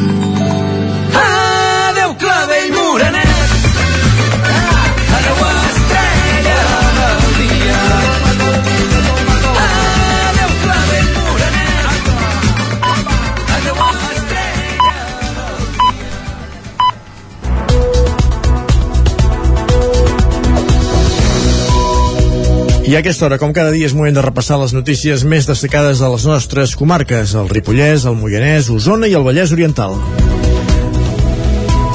Comencem a Osona. El regidor biguetà Josep Arimany i l'alcalde de Callatenes, Marc Verdaguer, ajornen fins al 2022 el relleu a la Diputació de Barcelona. Expliquen que es tracta d'una pròrroga pactada i es desmarquen de batalles entre Junts per Catalunya i el PDeCAT. L'alcalde de Callatenes, Marc Verdaguer, i el regidor de l'Ajuntament de Vic, Josep Arimany, s'havien de repartir el mandat a la Diputació de Barcelona, però finalment no faran el relleu fins al 2022, quan faltarà poc més d'un any per a les eleccions municipals. Segons expliquen ells mateixos, aquesta pròrroga no obeeix a cap conflicte personal ni polític, sinó que Arimany ha demanat allargar la seva tasca al capdavant de l'àrea d'innovació, governs locals i cohesió territorial per acabar projectes que s'han alentit a causa de la pandèmia. Entre aquests projectes que encapçala, ell cita revertir la falta endèmica de secretaris municipals, garantir una bona connexió a internet a tots els ajuntaments, per petits que siguin, o el programa de formació de funcionaris. També destaca que continua treballant per retornar els caixers automàtics a pobles on les entitats bancàries els han retirat retirat. En aquest aspecte, evidentment, tindrà feina, ja ho hem explicat prou avui. Amb aquest ajornament pactat, els dos diputats usonencs es desmarquen de batalles com la que mantenen el PDeCAT i Junts per Cat a la Diputació de Tarragona, on el partit ara liderat per l'exconsellera Àngel Chacón exigeix a Marc Ayala, de Junts per Catalunya i regidor a Valls, que traspassi l'acte a Marc Rovira del PDeCAT i alcalde de, de Barberà de la Conca. En el cas d'Osona, Junts ja va assajar la fórmula de repartir el mandat entre el 2015 i el 2019, però, però per desavinences, finalment, l'aleshores alcaldessa de Sant Quirze de Besora, Rosa Bastit, no va agafar el testimoni a Josep Salom, que encapçalava el consistori de Tona. L'altre representant d'Osona a la Diputació de Barcelona és ara mateix l'alcalde de Sant Pere de Torelló, Jordi Fàbrega. Aquí l'Assemblea d'Esquerra Republicana va revalidar la confiança per dur a terme el segon mandat consecutiu a la Diputació. A diferència del passat, però, quan era diputat delegat d'Infraestructures Viàries i Mobilitat, ara Fàbrega està a l'oposició fruit del, fruit del pacte de govern entre Junts per Catalunya i el PSC. Queixes de Centelles perquè el plenari municipal es deixa d'emetre en directe per internet. L'oposició va abandonar l'últim ple com a mesura de protesta. La difusió pública dels plens de Centelles porta cua. Dimecres passat, mentre s'estava debatent l'aprovació de l'acte de la sessió del juliol, els grups d'Ara Junts i Fem Centelles es van assabentar que la sessió no s'estava emetent en directe per internet. Davant d'aquesta situació, qualificada d'autoritària i de manca de transparència pels regidors d'Ara Junts i de Fem Centelles, els grups de l'oposició van decidir abandonar la sala. Des de l'equip de govern, encapçalat per l'alcalde Josep Paré del PSC, justifiquen la decisió explicant que la transparència ja es garanteix, ja que la videoacta dels plens es fa pública i queda penjada. L'alcalde també recorda que emetre en directe la sessió és un procediment al qual no hi estan obligats legalment i també apunta que utilitzar una plataforma com YouTube comporta una sessió de drets d'imatges amb els quals algunes persones no s'hi troben còmodes. Per últim, Paré també expressa que l'emissió en directe fomenta textualment la teatralització d'algunes intervencions al ple. La demanda de places de, per a cicles formatius ha crescut molt els darrers anys. A l'Institut Pla Marcell de Cardedeu la demanda ha estat de més del doble de places que s'ofertaven. Amb la convocatòria d'urgència el mes de setembre i amb l'augment de ràtios en alguns cicles s'ha pogut solucionar part del problema, però la previsió és que la demanda segueixi creixent els propers anys. Núria Lázaro, de Ràdio Televisió de Cardedeu. I si ara podem recuperar la Núria Lázaro. Milers d'estudiants s'han quedat sense plaça de grau mitjà per aquest curs. L'augment de la demanda per estudiar cicles formatius ha estat al voltant del 17% respecte al curs passat. L'augment ha estat especialment pronunciat pel que fa als cicles de grau mitjà, un creixement que, tot i que ha estat progressiu durant els darrers anys, ha batut rècords d'inscripcions i ha superat de llarg l'oferta formativa. A l'Institut Pla Mercè de Cardedeu, la demanda per a cicles formatius al mes de juny doblava la quantitat ofertada pel centre. Àlex Salleres, director de l'Institut. Vam tenir una demanda en, en període ordinari de pre de preinscripció de, de, de, de 120 130 sol·licituds per, per cada 60 places que teníem a grau mitjà eh, amb la mateixa ràtio grau superior i es quedava la meitat de la gent que havia demanat plaça fora. La veritat és que eh, és la tendència dels últims anys no? que, que formació professional hi ha una demanda creixent. Davant l'augment de la demanda, el Departament d'Educació ha tirat endavant convocatòries extraordinàries en alguns cicles o augmentat de ràtios en altres, però que no arriben a cobrir la totalitat de la demanda. A l'Institut Pla Mercè aquest mes s'ha obert una nova línia extraordinària per als estudis de grau mig i s'ha sol·licitat augment de ràtios per als de grau superior, tot i que la gestió d'aquestes noves places s'ha dut a terme en un temps molt ajustat amb l'inici de curs. Àlex Salleres. Certament, els inicis de curs de, de la postobligatòria doncs sempre permeten una miqueta hi ha una mica de marge perquè tot el sistema es vagi, vagi encaixant no? gent que, que en un moment determinat renuncia a la plaça, es generen vacants alumnat que estava en llista d'espera que pot optar però també és cert que molta gent va presentar sol·licitud al, al 8 i el, el 13 sabia que entrava i començava aquella mateixa tarda. La problemàtica queda ara al sostre dels alumnes que s'han quedat sense plaça, on les possibilitats es redueixen a recórrer a centres privats per realitzar els estudis desitjats o buscar una opció secundària en qualsevol altra branca. Unes jornades de fotografia compromesa marquen el segon cap de setmana del Terra Gollut Film Festival. Isaac Muntades des de la veu de Sant Joan. Durant tot el dissabte i el diumenge al matí, l'antic hotel balneari de Montagut a Campelles reobrirà les portes per celebrar unes jornades de fotografia compromesa al Terra Gollut Film Festival. Aquest edifici noucentista ja fa 30 anys que no funciona com a hotel i per les jornades s'utilitzaran espais tan emblemàtics com el Saló de Banquets, el Teatre i l'Església. A dos quarts de cinc de la tarda començarà la primera de les dues taules rodones que es faran, titulada Els límits del fotoperiodisme. El director del festival, Joaquim Roquer, i que exercirà de moderador en aquesta taula, explicava de què es parlarà. Volem parlar amb aquests fotògrafs, eh, amb en Joan Guerrero, l'Anna Sorinyac, el Marc Senyer i la Cristina García Rodero i la Marina Garcés de quin és el límit que tenen les, els fotoperiodistes a l'hora de publicar fotos. Tothom sap que hi ha una foto quan fan un reportatge que és la foto, no? la foto que marca aquell reportatge o aquell article. O no? Diu, bueno, saps que és una foto que potser anirà portada, eh, és la que dona clics, és la que pot guanyar un premi i és la foto, de vegades, que volen els teus els mitjans de comunicació que t'han contractat per publicar. No? Aquella foto, si és més sensacionalista o menys, de qui depèn? Depèn només del mitjà,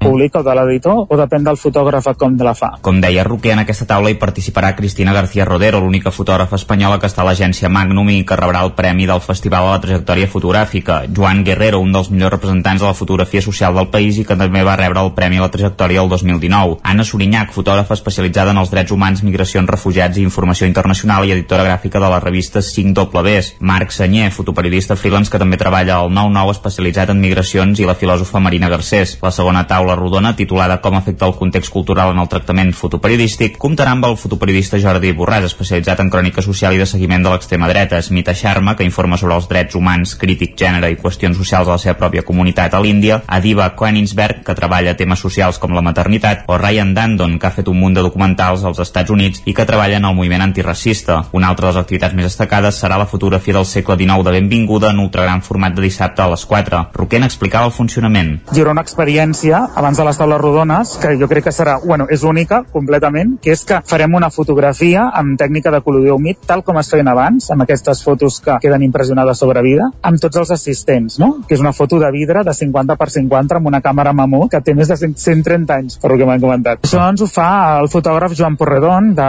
col·lectiu que es diu Relats de Llum, que fan fotografies, experiències fotogràfiques, que també està instal·lat aquí a Vall de Ribes, a Ribes de Freser. Dissabte a la nit també destaca el concert amb Rabbit Goldsmith, realitzat amb un Hank Band, un instrument de percussió que genera uns sons aquosos. També hi haurà un diàleg artístic entre projeccions de fotografia, música i poesia. Coincidint amb el Dia Internacional de les Persones Sordes, aquest diumenge el Museu Episcopal de Vic va estrenar una visita guiada per a sords. La va conduir la Marto Periques, historiadora de l'art i filla de pares sords. Una trentena de membres de l'agrupació de sords de Vic i comarca accedia diumenge al matí a les dependències del Museu Episcopal de Vic. El rebia la Marto Periques, historiadora de l'art i guia per a persones sordes que s'ha incorporat al museu per començar a oferir visites en llengua de signes. La primera que es va fer aquest diumenge coincidint amb el Dia Internacional de les Persones Sordes portava per títol Parlar amb les mans, el llenguatge de l'art medieval i posava especial atenció a la, gestu a la gestualitat. Escoltem a Marto Periques. L'art romànic és eh, molt espectacular pel seu color, utilitza uns colors molt vius i també perquè la dimensió les mans estan una mica sobredimensionades en proporció al cos. Ja que abans a, a l'època medieval doncs no s'estudiaven les proporcions. Però per a nosaltres clar, és molt rellevant aquesta manera d'expressar-se de, artísticament perquè nosaltres som visuals i ens comunica directament i s'utilitzen les mans i s'utilitza aquest llenguatge corporal llavors ho entenem nosaltres, jo crec que ho entendrem molt bé, no? com es comunicaven abans. La incorporació d'una visita en llengua de signes per a la comunitat sorda és fruit d'un acord de col·laboració entre l'agrupació de sords de Vic i Comarca i el Museu Episcopal de Vic. Per Carme Comas, cap de difusió i acció cultural del museu, es tracta d'un pas clau per avançar cap a la inclusió real ens sembla que aquest és el pas importantíssim això, això m'ho deien des de l'agrupació de sords que la inclusió real és aquesta és que puguem trencar aquest sostre de vidre en el qual una persona no se senti exclosa eh, d'una comunitat general sinó que, que en formi part i per tant al museu treballem que, perquè les persones sordes, les persones invidents o amb malalties mentals o qualsevol persona del tipus que sigui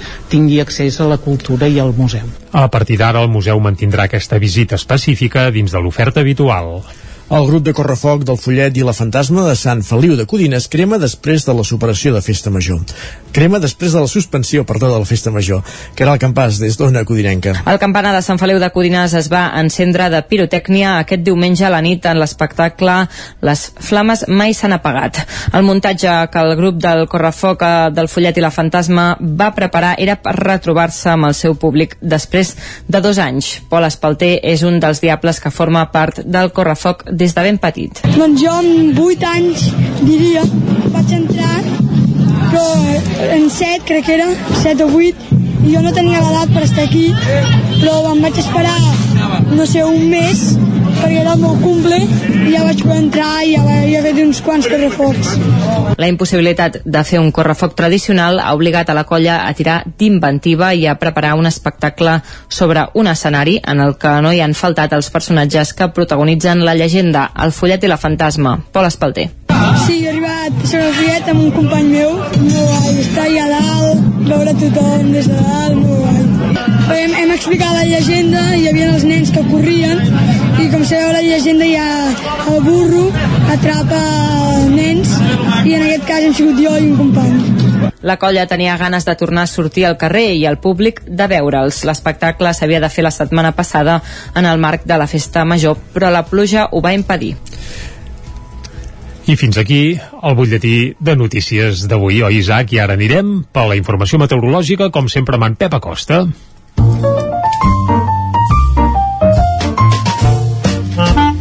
Casa Terradellos us ofereix el temps. Saludem de nou en Pep. Bon dia altra vegada, Pep. Hola, molt bon dia. Oh, bon dia, Com bon dia. esteu? Eh. Han baixat una mica les temperatures Sí. i hi ha, una, hi ha hagut una nit perdó, molt serena, amb molts pocs núvols, i això ha fet que les temperatures baixessin una mica més. Per exemple, les més baixes, 9 graus a Puig de Zolles, a dalt de tot del Montseny, també 9 graus a Sant Pau de Segúries, 10 a Vilabrau, a sota Montseny, i també 10 a Molló. Ja veieu que fa una mica més de fresca, inclús una mica de fred, però bueno, n'hauria de fer una mica més, eh? No acabo d'estar del tot content amb aquestes temperatures que tenim. Veurem els pròxims dies què passa, però sembla que aniran baixant més, sobretot les temperatures mínimes. Però bueno, no avanço, no vull fer molt avançament perquè fa el panorama meteorològic i ens centrem en el dia d'avui després eh, d'un dia gairebé d'estiu. Però hi ha un petit canvi en el taulell meteorològic i és que tenim ja, els vents estan girant i tenim ja una petita entrada de vent de nord. Per tant, avui, molt de sol al matí, però més núvols prims. Una mica el sol esmorteït, com deia, les temperatures mínimes han baixat. De cara a la tarda, els núvols faran més espessos, hi haurà més nuvolositat, i en principi no plourà lloc per això, però sí que els núvols poden fer més espessos, inclús tapar-se en algunes poblacions, sobretot del Pirineu. Les temperatures baixaran.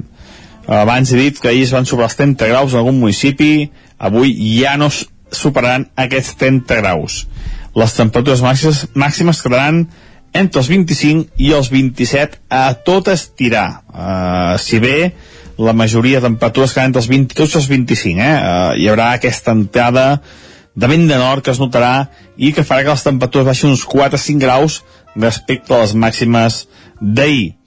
I aquesta tònica serà la, la dominant dels pròxims dies, hi haurà més entrada de vent de nord i també la inestabilitat anirà més. Uh, és possible ruixats, precipitacions, veurem què passa de cara als pròxims dies, però per fi sembla que el tardor es vol imposar i la inestabilitat i les temperatures fresques seran la tònica dominant.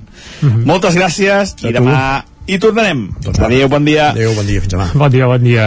Tanquem aquí el bloc meteorològic. Isaac, i parlarem de música ara, oi? Exacte, anem a l'entrevista i tot seguit parlem amb Roger Canals, del presidi el president de l'ESMUCA, a Cardedeu. Mm, Parlem de música, parlem de jazz. Fins ara mateix. Casa Tarradellas us ha ofert aquest espai. Territori 17. Envia'ns les teves notes de veu per WhatsApp al 646 079 023. 646 079 023. WhatsApp Territori 17.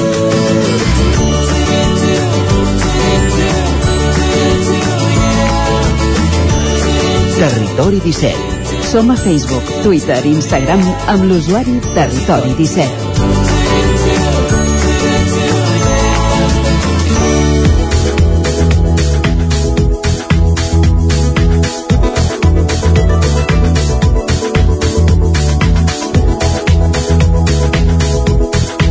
Passen 17 minuts de les 10 del matí. Entre 1971 i 1981 es van celebrar les nits amb jazz als Pinatons de Cardedeu, en les que van actuar-hi més d'un centenar de músics de jazz tant catalans com internacionals. Unes nits que van reunir milers de persones i que moltes recorden com a úniques i especials. Cinc dècades després, el record d'aquelles nits es manté viu i s'estan realitzant una sèrie d'actes commemoratius. Òscar Muñoz, bon dia. Aviat tele. Òscar? Hola, bon dia. Hola, bon dia. Bon dia. Doncs sí, avui tenim el Roger Canals, president de l'ESMUCA, l'Associació de Músics de Cardedeu, on també està ficat dins de l'organització en aquest projecte de, de jazz de xoc, que això ja ho parlarem ara mateix, i també està ficat bueno, dins del sector cultural del poble. Bon dia, Roger. Bon dia. Eh, què ens pots comentar d'aquestes nits de jazz que realitzaven a Cardedeu i per què doncs, és tan necessari recordar-les?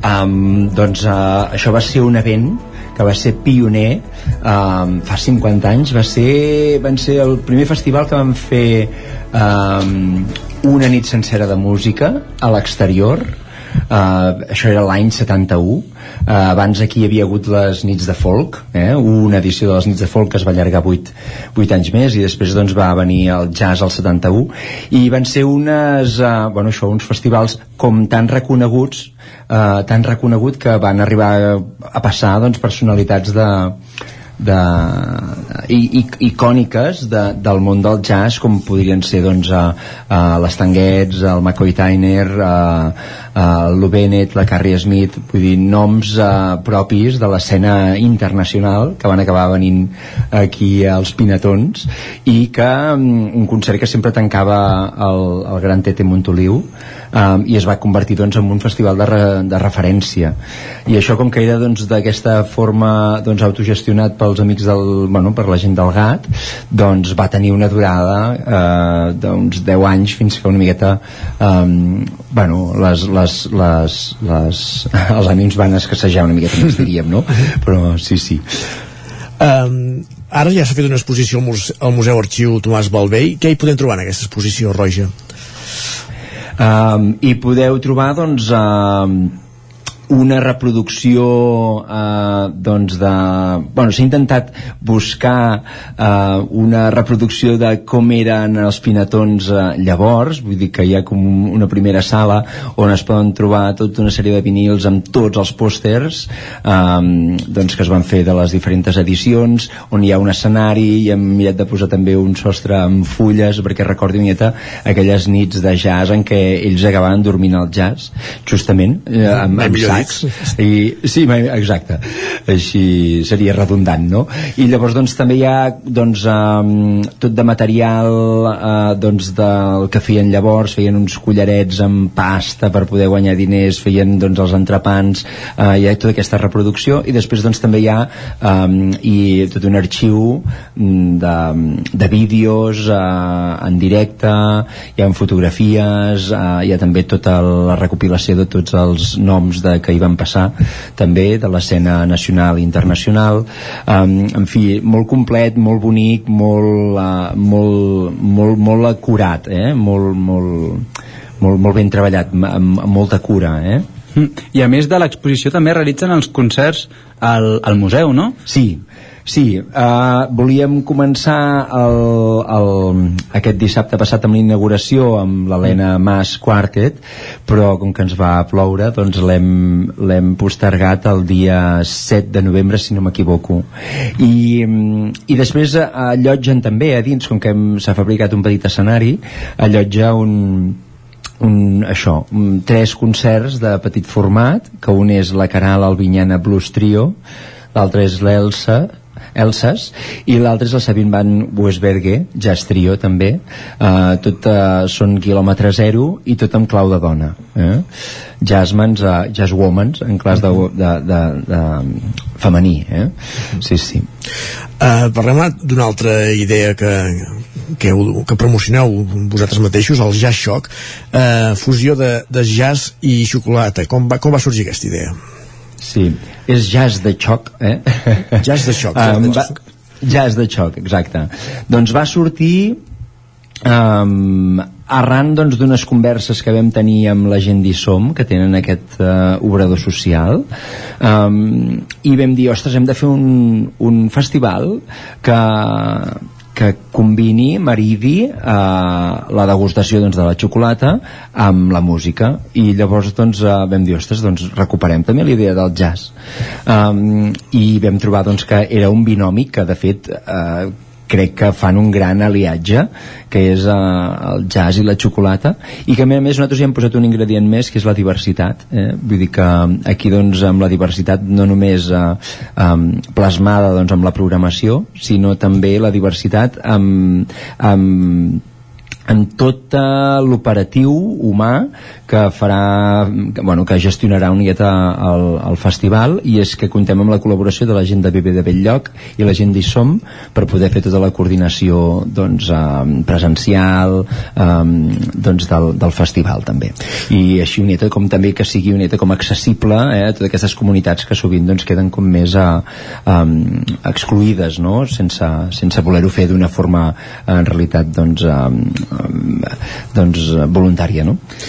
Sí, i eh, llavors doncs són concerts que eh, t'hi podràs trobar doncs això, en llocs emblemàtics de la ciutat um, escoltant de cop i volta un concert de jazz i degustant doncs, un dolç d'alguna de les diferents pastisseries que ha col·laborat en el projecte. Una mica amb tot plegat, amb totes les, activitats que, que organitzeu, sí. recupereu una mica el, el, el llegat del que van ser aquestes nits de jazz dels anys, de la dècada dels 70? O és, és aquesta la, sí. la idea, diguéssim? Sí, la gràcia doncs tornaria a ser recuperar aquest llegat, aquest esperit, eh, aquest esperit doncs, del que es va viure llavors, eh, tot i que els temps han canviat, doncs, eh, doncs sí que eh, això va ser, va ser un bon bressol, ja sigui doncs, eh, per moltes coses, eh? una per la gestió eh, l'autogestió eh, de l'associacionisme autogestor que aquí és tan famós aquí a Cardedeu. Això va ser doncs també pioner. Eh, després doncs perquè també ha donat noms propis, bueno noms, eh, eh, noms locals dins del món del jazz no? és un petit bressol. I a més a més doncs perquè és un lloc on realment eh, s'estima molt la cultura. Eh, amb això hem volgut com realment amb totes les nits amb jazz, amb tot el festival que plega com tres grans eh, eh, directius hem volgut rendre, retre homenatge doncs, a aquelles nits de jazz eh, aquest homenatge que es mereixien i, i també hem doncs, volgut doncs, fer una proposta nova com seria més aviat doncs, el jazz de xoc també mm. Òscar. Has parlat de, dels dolços quines pastisseries formaran part de, eh, en aquests concerts i quins dolços podem degustar? Val. Um, doncs mira, faran, formen part sis pastisseries. Uh -huh. Hi ha l'Eric Pastisser, el Maurici Cot, a la pastisseria Piella, els som Xocolà, um, pastisseria Ricós i la pastisseria Sant Lleí. Llavors, entre tots hem manegat com um, tot un conjunt d'activitats, eh, tots al voltant doncs, de, dels concerts. Hi han concretament quatre concerts. Um, el primer és el, el dia 9 d'octubre a la Casa Viader, que vindrà el grup eh, doncs, de la família Martínez, que faran Bolero Jazz, i allà podrem estar degustant um, un, un suís a la Casa Viader, ells que van ser doncs, els creadors de la Granja Viader a Barcelona mm -hmm. i que després això es va convertir en la marca Cacaulat eh, al ser el primer batut doncs, industrial del món i llavors doncs, creiem que és un lloc doncs, eh, doncs, ideal. El segon seria el dia 10, que és a la fàbrica Sant Jordi, que són col·laboradors, que també hi haurà la fàbrica Sant Jordi posant eh, les seves cerveses artesanes. Um, hi haurà el grup eh, Slim by Seals i un altre grup que es diu Infart, um, i allà hi haurà els Xocolà, um, que oferiran els seus bombons de boom, de bomba eh, perquè aquest dia doncs, hi haurà blues eh, són dos grups de blues. Un és doncs, de, un del Jordi López que també és local i el grup Infart que són nanos de, de, de Bebé de Belllloc i del Far de, de la Garriga que també fan blues. Sí, molt guapo. Llavors el dia 23 eh, ho farem a Can Corbella hi haurà els Fantastic Four amb, amb dos cantants de l'Operació Paqui amb l'Uxue i el Joan eh, vells coneguts de la casa i allà hi haurà la pastisseria Ricós que oferirà un James Brownie Ojo. un James Brownie Estan ben doncs, trobats, en referència paraules, eh? estan, Sí. ben, estan ben trobats estan ben trobats i llavors doncs hi haurà un últim concert que serà Vila Paquita um, que ho farem en col·laboració amb tota aquesta colla de Cardedeu fem l'indi eh, que van ballen l'indie hop i ho farem amb el, amb el grup Mirat Jazz que de fet és el, és, és el meu grup que ho farem amb tota una mena com d'ensemble de convidats i que farem doncs jazz ballable swing i allà hi haurà el Maurici Cot que ens ofereix um, el colant de xocolata digue'm, digue'm, No, no, anem justos, oi? aquí, sí. Moltes gràcies, ah, Roger. vaja, I us Òscar. volia dir vale, Bon gràcies dia. a vosaltres Adéu. El nou FM, la ràdio de casa, al 92.8. Mudances a la carta. Som especialistes en muntatge i desmuntatge de mobles. Oferim servei de guardamobles i fem mudances a tot el territori. Trasllats de pianos i peces delicades i també fem embalatge i protegim. Mudances a la carta. Serveis adaptats a cada client. Ens trobaràs al telèfon 605 04 34 75. El diumenge 3 d'octubre de 9 a 3 de la tarda, Fira del Tas del Bisaure a Sant Quirze de Besora.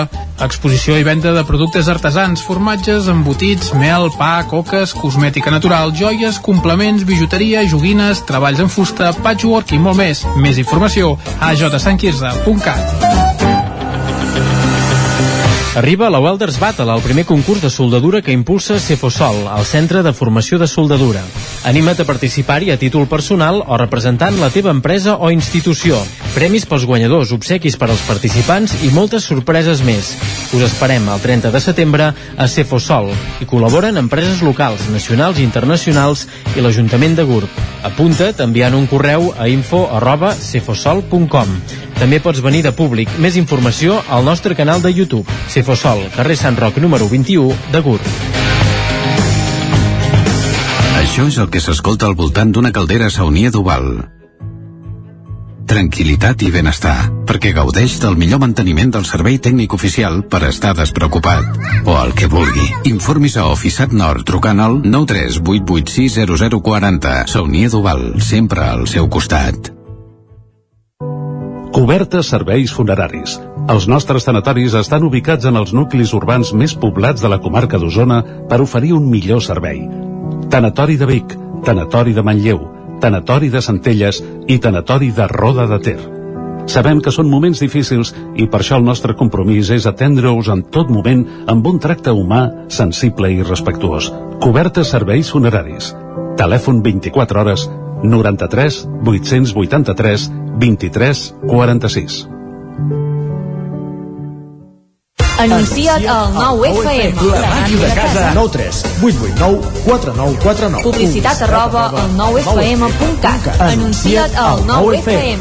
La publicitat més eficaç. Cocodril Club. Si t'agrada la bona música dels anys 60, 70 i 80, escolta el 9 FM als matins de dissabtes i diumenges d'11 a 1. És el temps del Cocodril Club, tot un clàssic de la ràdio, amb les bases del pop-rock, les llegendes, les cançons que s'han convertit en autèntics himnes. Recorda, dissabtes i diumenges al matí, d'11 a 1, al 9 FM 92.8. Cocodril Club, el programa revival de l'Albert Malla. Hasta luego, cocodrilo. El 9 FM. Dos quarts en punt d'onze del matí.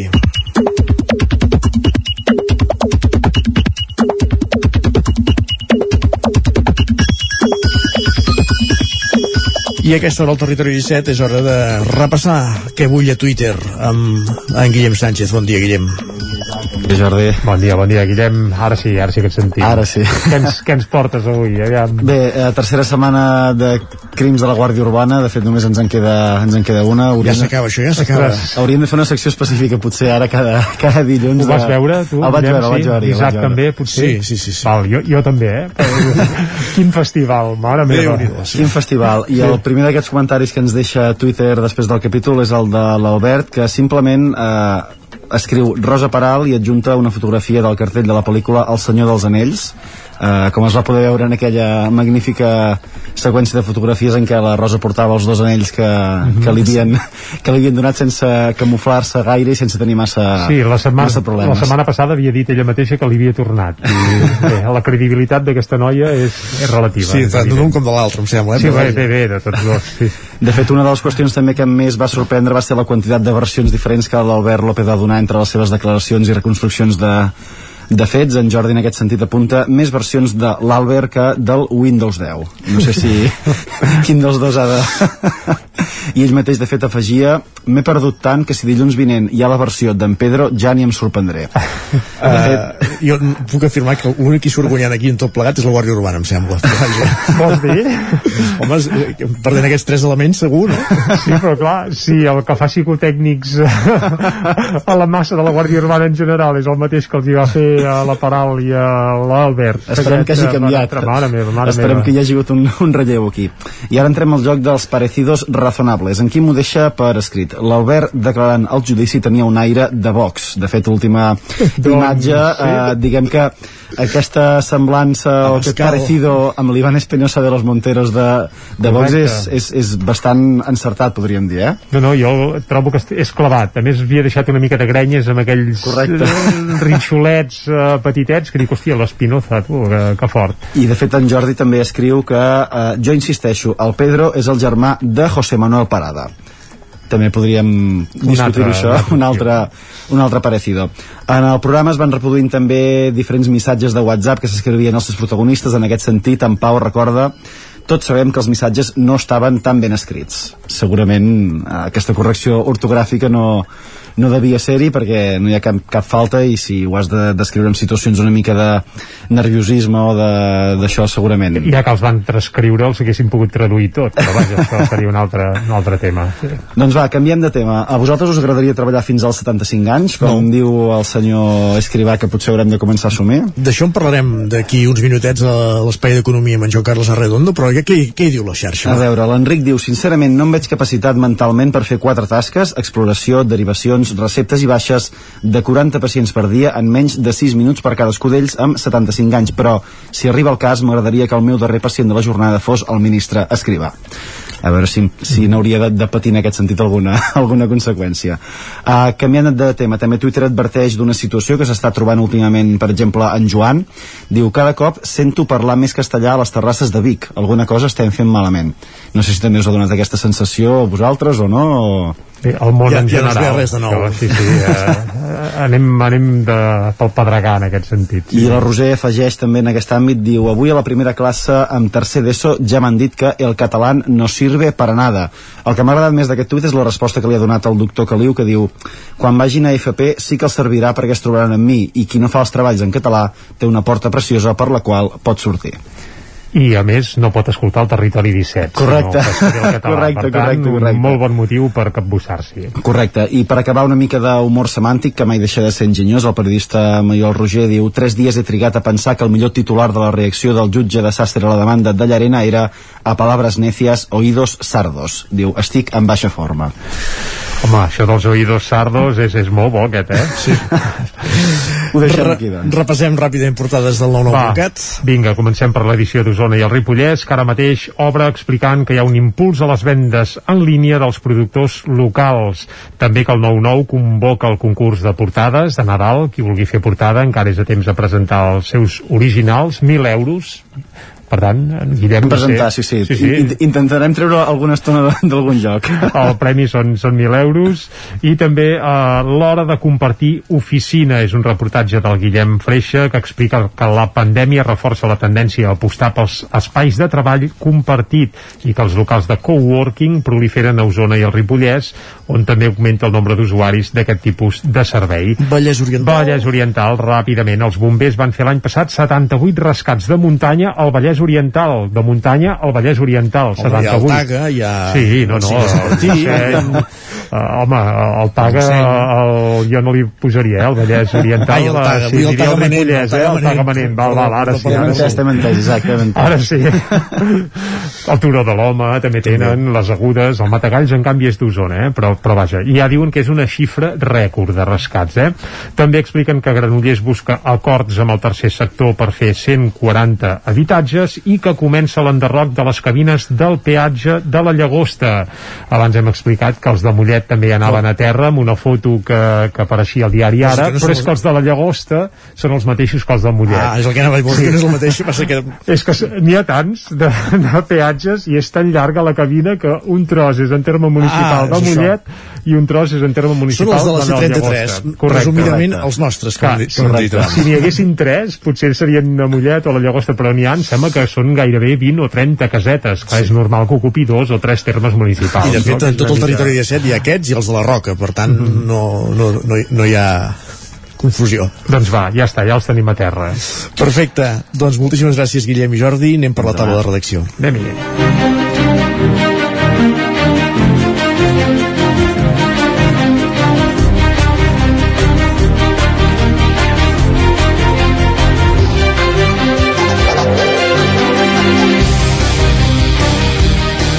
I a la taula de redacció avui ens acompanyen l'Isaac Muntades i en Guillem Rico. Amb l'Isaac eh, farem un nou capítol d'allò que ens explicava divendres de, de l'escurçó, de la picada d'escurçó i de l'antídot que no hi havia a l'Hospital de Can de Bànol.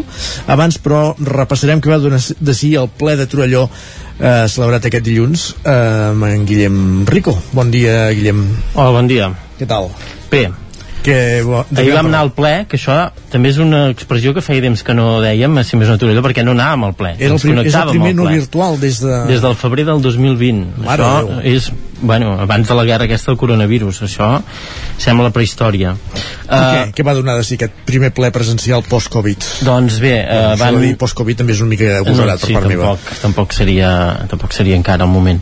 Um, van prendre o sigui, hi ha dues regidores noves de Junts per Cat que ja van prendre possessió amb el ple virtual del juliol, però sí que els hi van donar el PIN a l'inici eh, i llavors diguem que es van presentar perquè alguns potser encara no s'havien vist La insígnia, físicament siguem, siguem... el PIN amb l'escut de Torelló La insígnia. la insígnia.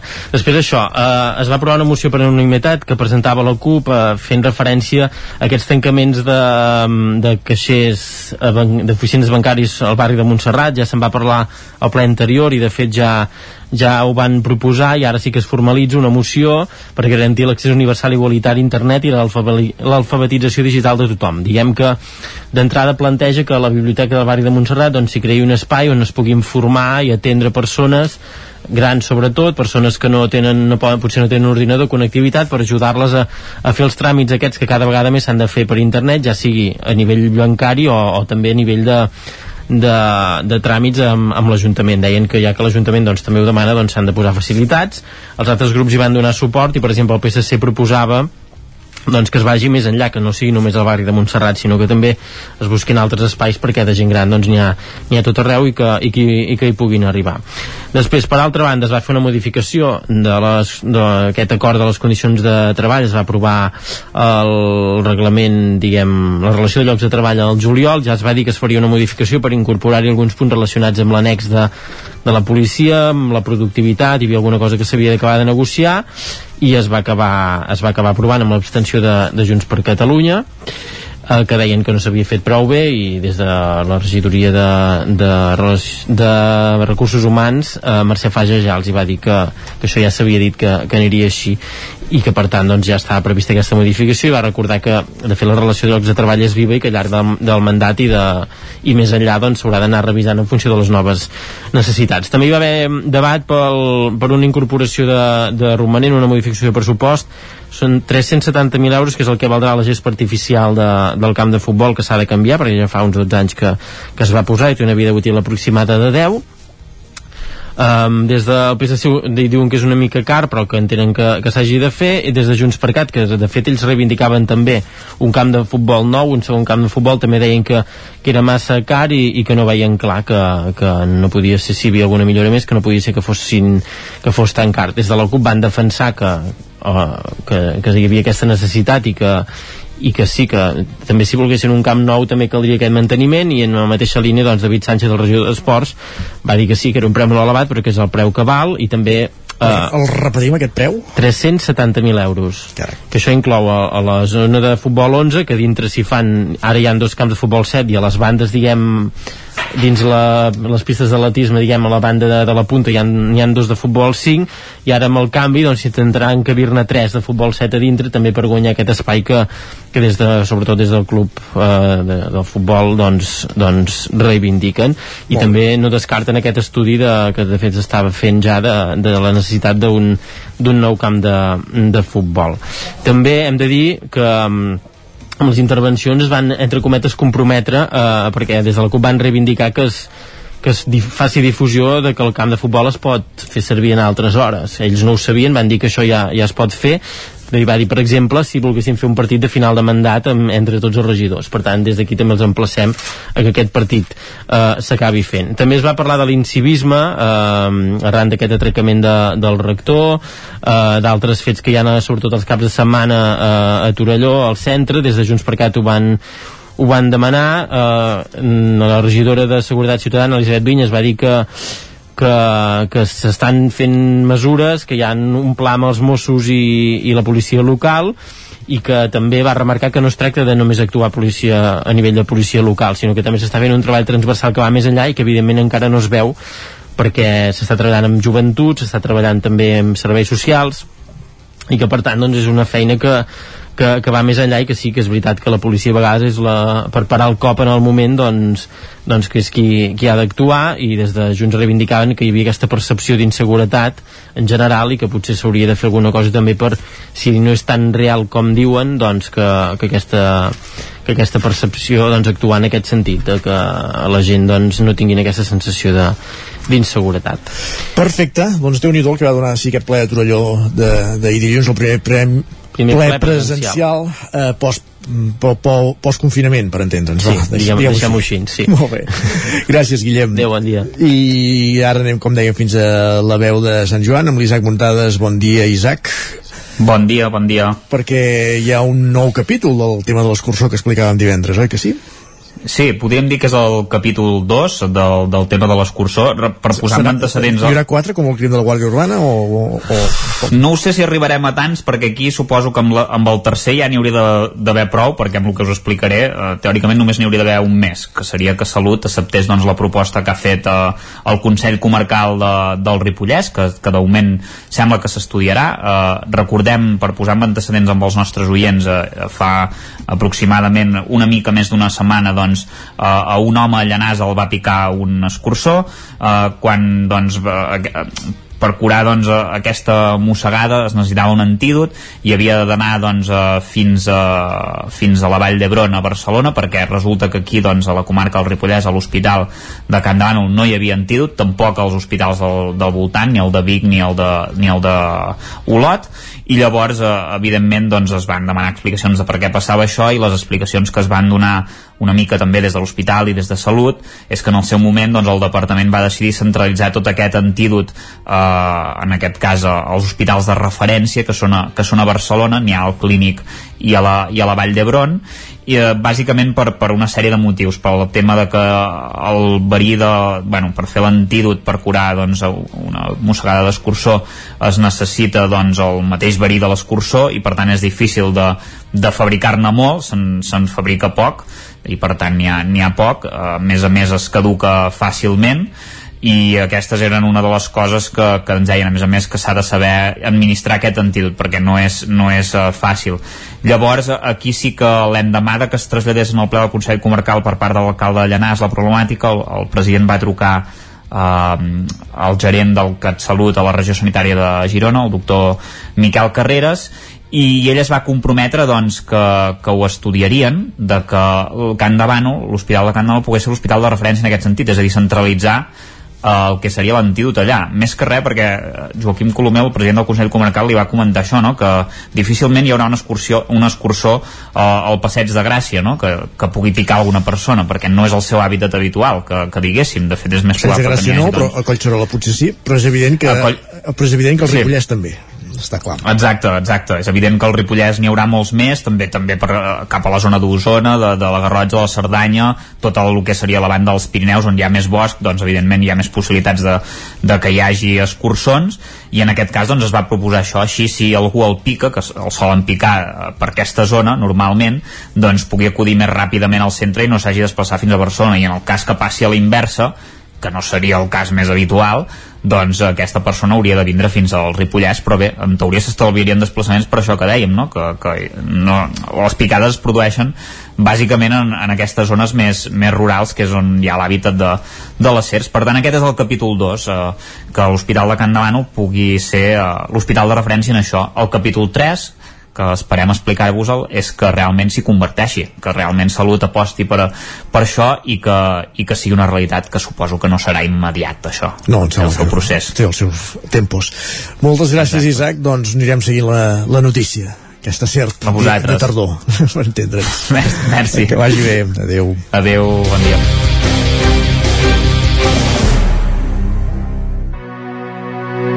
Territori 17 el 9 FM, La Veu de Sant Joan, Ona Codinenca, Ràdio Cardedeu, Territori 17.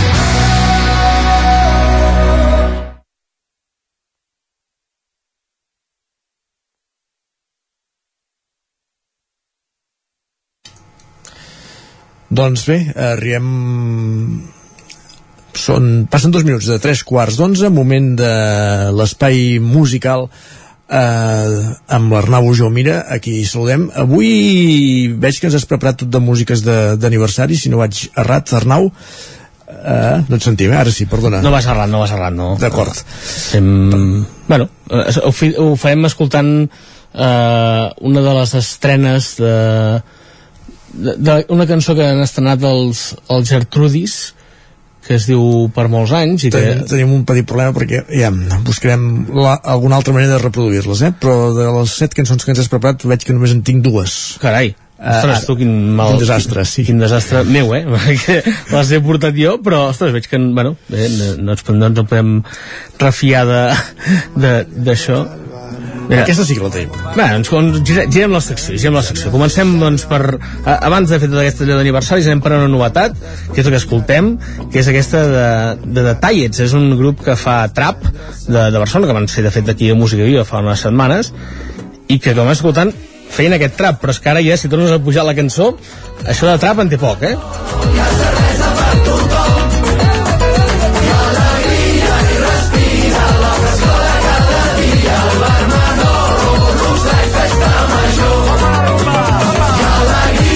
Podem explicar-ho perquè aquest, eh, això que sona es diu La dels Manolos.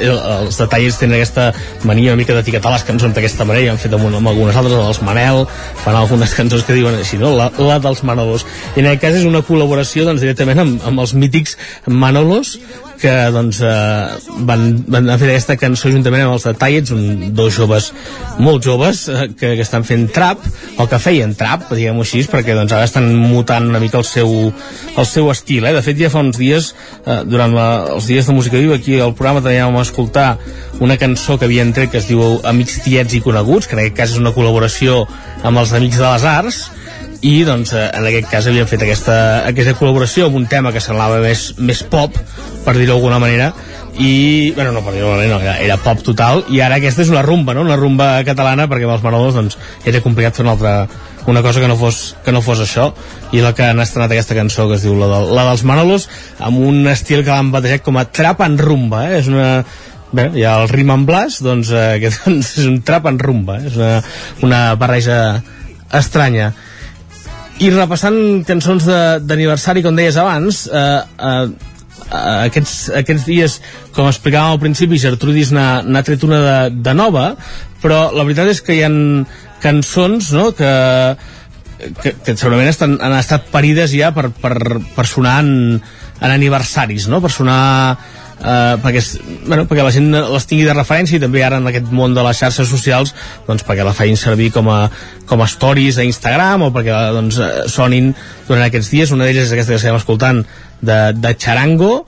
Eh, aquest eh, Avui que fas anys és una cançó del, del darrer disc i que doncs, ja, ja havien anat viralitzant també amb aquesta intenció eh? de fet ells, ells ho, ho explicaven quan va sortir el disc d'aquest últim disc de, de Beniales i doncs que, que, que volien l'havien pensat perquè feien 10 anys el 2020 com a, com a grup però al final la van deixar més, més oberta perquè es pogués fer servir doncs, per, per aniversaris i per celebracions doncs, aquesta, aquesta cançó dels, del Charango i com dèiem no és l'única que, que ha estat pensada per fer eh, per sonar en, en aniversaris eh? dins l'univers de música en català n'hi ha unes, hi ha unes quantes eh, que poden, es poden fer servir en aquest sentit per, per escoltar en, eh, en, en entorns d'aniversaris no, no reprodueix el DLC, no reprodueix res. No, reprodueix que no ho sé.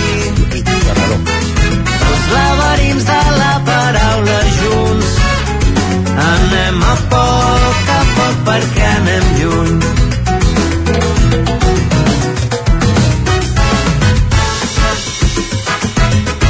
Aquí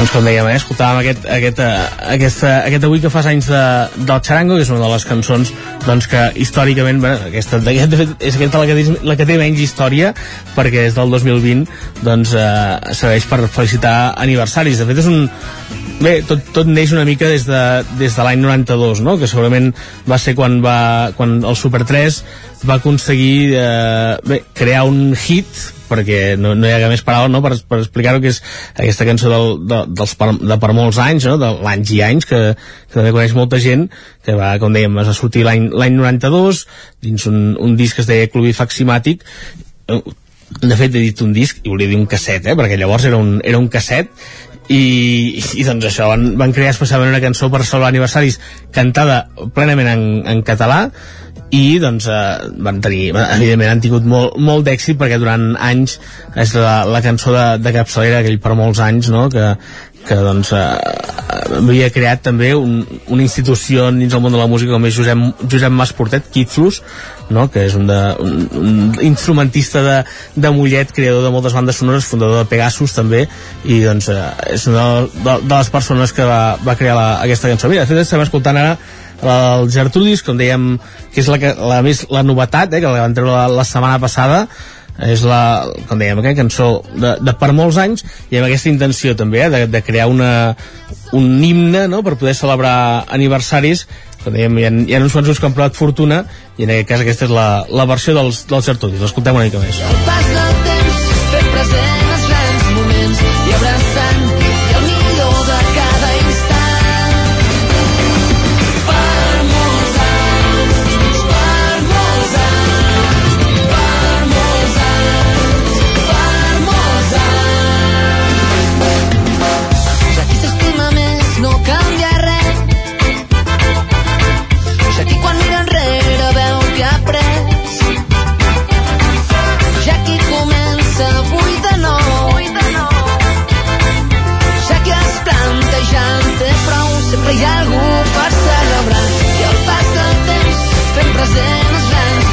Doncs dijous Pell anant d'aniversari... No, aquest- Gertrudis, Gertrudis. Gertrudis, perdó, dijous Pell anant després. Sí, correctament. Ara he fet un spoiler del que, del que ha de venir ara, ara mateix, però és això, que aquesta de per molts anys, que és la novetat, és aquesta que acaben de treure la, van treure la setmana passada, perquè ells, ells feien servir l'excusa de que eh, dos components del grup, en Xavi i l'Edu, era el seu aniversari, i es van tancar l'estudi per celebrar-ho.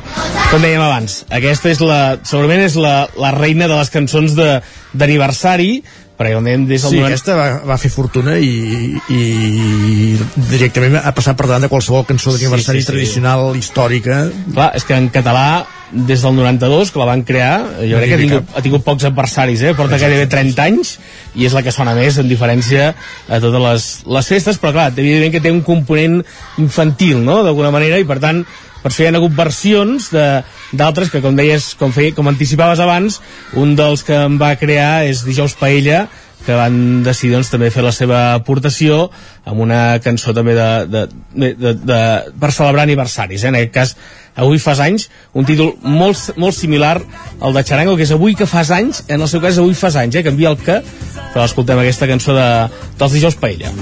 Avui fas anys, tu no ens enganyes, i els companys i les companyes et desitgem sort i salut.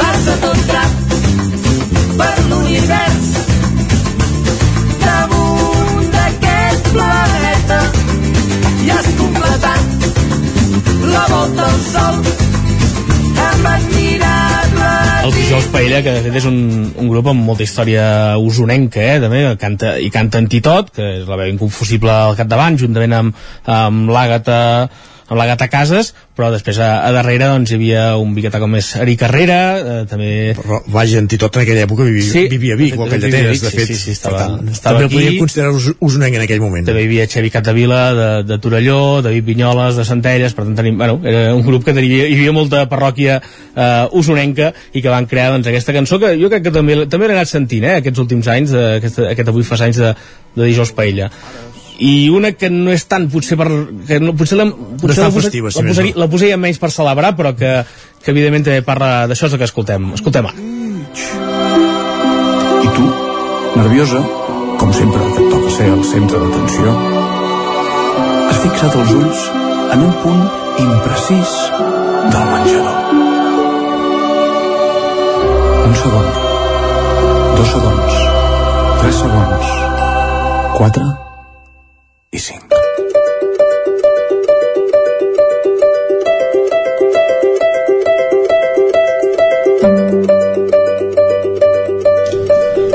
Quan els Manel encara anaven amb aquella imatge de l'ukelele. L'ukelele, eh? Sí, sí, eh? Això ens queda enrere ja, eh? Era el segon disc, de fet, era, havien tret eh, els millors professors europeus, que és el disc en què es van donar a conèixer, i després van explotar no, amb aquest 10 milles per una bona armadura del que va sortir aquesta, aquest aniversari, va ser un dels avançaments, i el que dèiem, eh, aquesta zona és més descriptiva, no és tan festiva, perquè evidentment en Manel aquí, en aquest moment ens tenia acostumats a fer això, no? aquestes lletres tan descriptives de tot el que, el que passava i que podem imaginar tota la festa d'aniversari, i doncs eh, amb aquesta cançó que, que té aquesta melodia tan dolça no? aquesta, i, amb aquesta quan encara també tenien, tenien vents eh, Manel ukelele i vents perquè això el disc següent ja que va ser Letes baixin de l'escenari ja va, ja va desaparèixer i se'n van anar cap a una cosa bastant van deixar el folk i se'n van anar cap al pop total i electrònica després vull dir que la cosa ha anat mutant, mutant bastant i, però evidentment és una cançó també de- d'aniversari i que també doncs, hi ha gent que l'ha fet servir eh, Aniversaris, en sí, festes. sí, sí i no per, potser no tant perquè soni a un restaurant no? perquè potser no ho veig tant perquè soni allà, i- igual que tampoc la de Charango ho veig més als altres, però sí que Bueno, doncs, potser eh, el celler de Can Roca, potser sí que ah, recorda. mira, potser, potser sí que aquesta és més, més exquisita no? per dir-ho en aquest sentit i si et sembla Isaac acabarem Em sembla perfecte. escoltant eh, uns, una cançó que portem avui d'una altra, una altra novetat que és la de la, la Maria Hein eh, una jove de Falanich que escoltarem de, de seguida amb aquest la teva presència.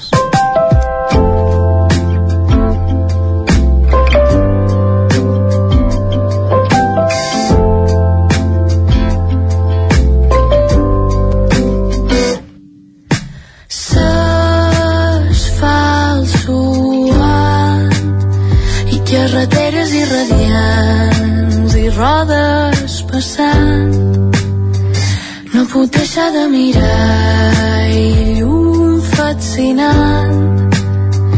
M'il·lumina i me fa mal i ja és demà Marrom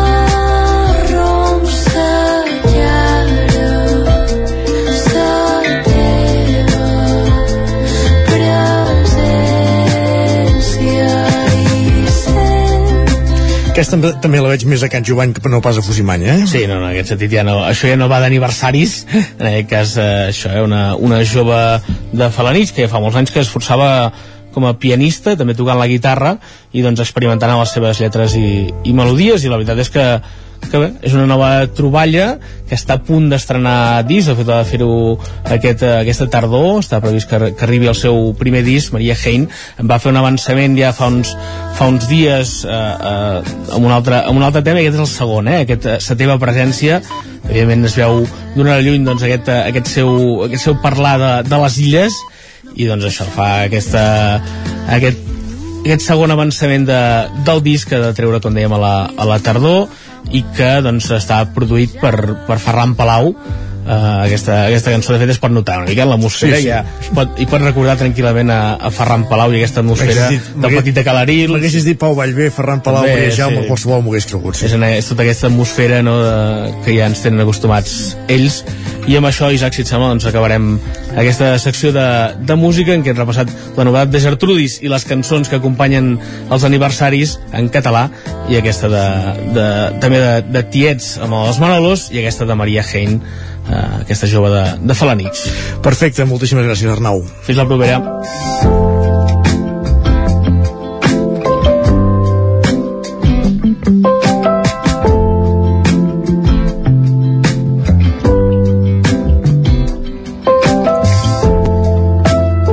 Doncs amb aquesta cançó de Maria Hein arribem al punt de les 11, l'hem superat al punt de les 11, ara mateix passa un minut, moment de repassar notícies.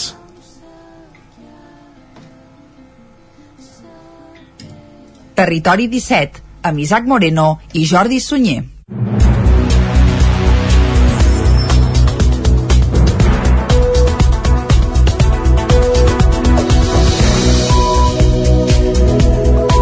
I comencem aquest repàs de notícies de les 11. El Ripollès, Adif, licita les obres de millora al pont sobre el riu Ter de Ripoll. Isaac Muntades, des de la veu de Sant Joan. El passat dijous, Adif va licitar el contracte d'obres per l'adequació i millora del pont sobre el riu Ter que hi ha a Ripoll, just al costat del centre d'atenció primària del Ripollès i a pocs metres d'arribar a l'estació de tren. Aquest pont forma part de la línia R3 que connecta l'Hospitalet de Llobregat amb la Tour de Carol Enveig, a França. Segons apunta Adif, aquesta actuació inclosa en el pla de Rodalies tindrà un pressupost de licitació d'1,249 milions d'euros i un termini d'execució d'aproximadament 5 mesos i mig. Per tant, s'hauria d'haver acabat cap a mitjans de març. L'obra s'havia de dur a terme després de fer-hi exhaustives inspeccions i anàlisis de l'estat estructural d'aquest viaducte de 145 metres de longitud. Amb aquesta intervenció es vol dotar l'estructura de les màximes condicions d'estabilitat i durabilitat, protegint-la de condicions atmosfèriques adverses i reduint-ne les necessitats de manteniment. El president del Consell Comarcal, Joaquim Colomer, va recordar com va iniciar-se el procés per reparar el pont, el qual es remunta fa uns anys. Doncs això bàsicament va ser arran d'una neteja de riu que es va efectuar doncs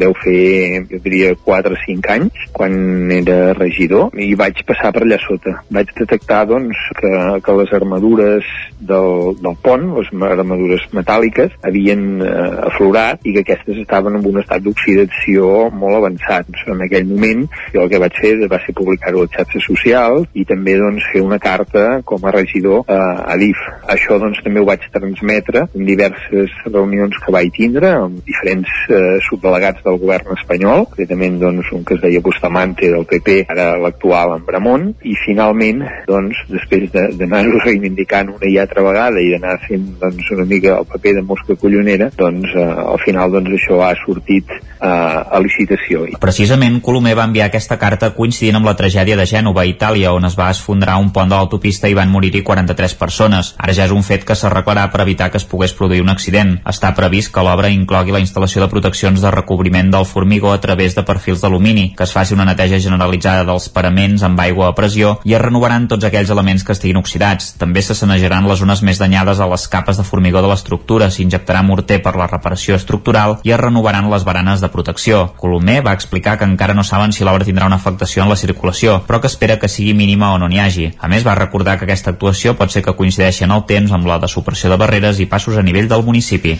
Gràcies, Isaac. El progressiu tancament d'oficines bancàries està deixant pobles i barris sencers sense servei de banca. Els casos més recents a Osona s'han donat a Torelló i a Manlleu. A Torelló, des d'ahir mateix, el barri de Montserrat s'ha quedat sense cap oficina i a Manlleu el BBVA també ha anunciat que tancarà la de la plaça de la Sardana. Divendres passat, precisament, es va fer una concentració davant l'oficina del BBVA de la plaça de la Sardana de Manlleu per protestar contra un nou tancament que deixarà tot un barri sencer sense sucursals bancàries. A Manlleu, a més, el BBVA, que recull l'herència del que havia sigut Caixa Manlleu, es quedarà amb una única oficina, la central que hi ha a la plaça Fra Bernadí.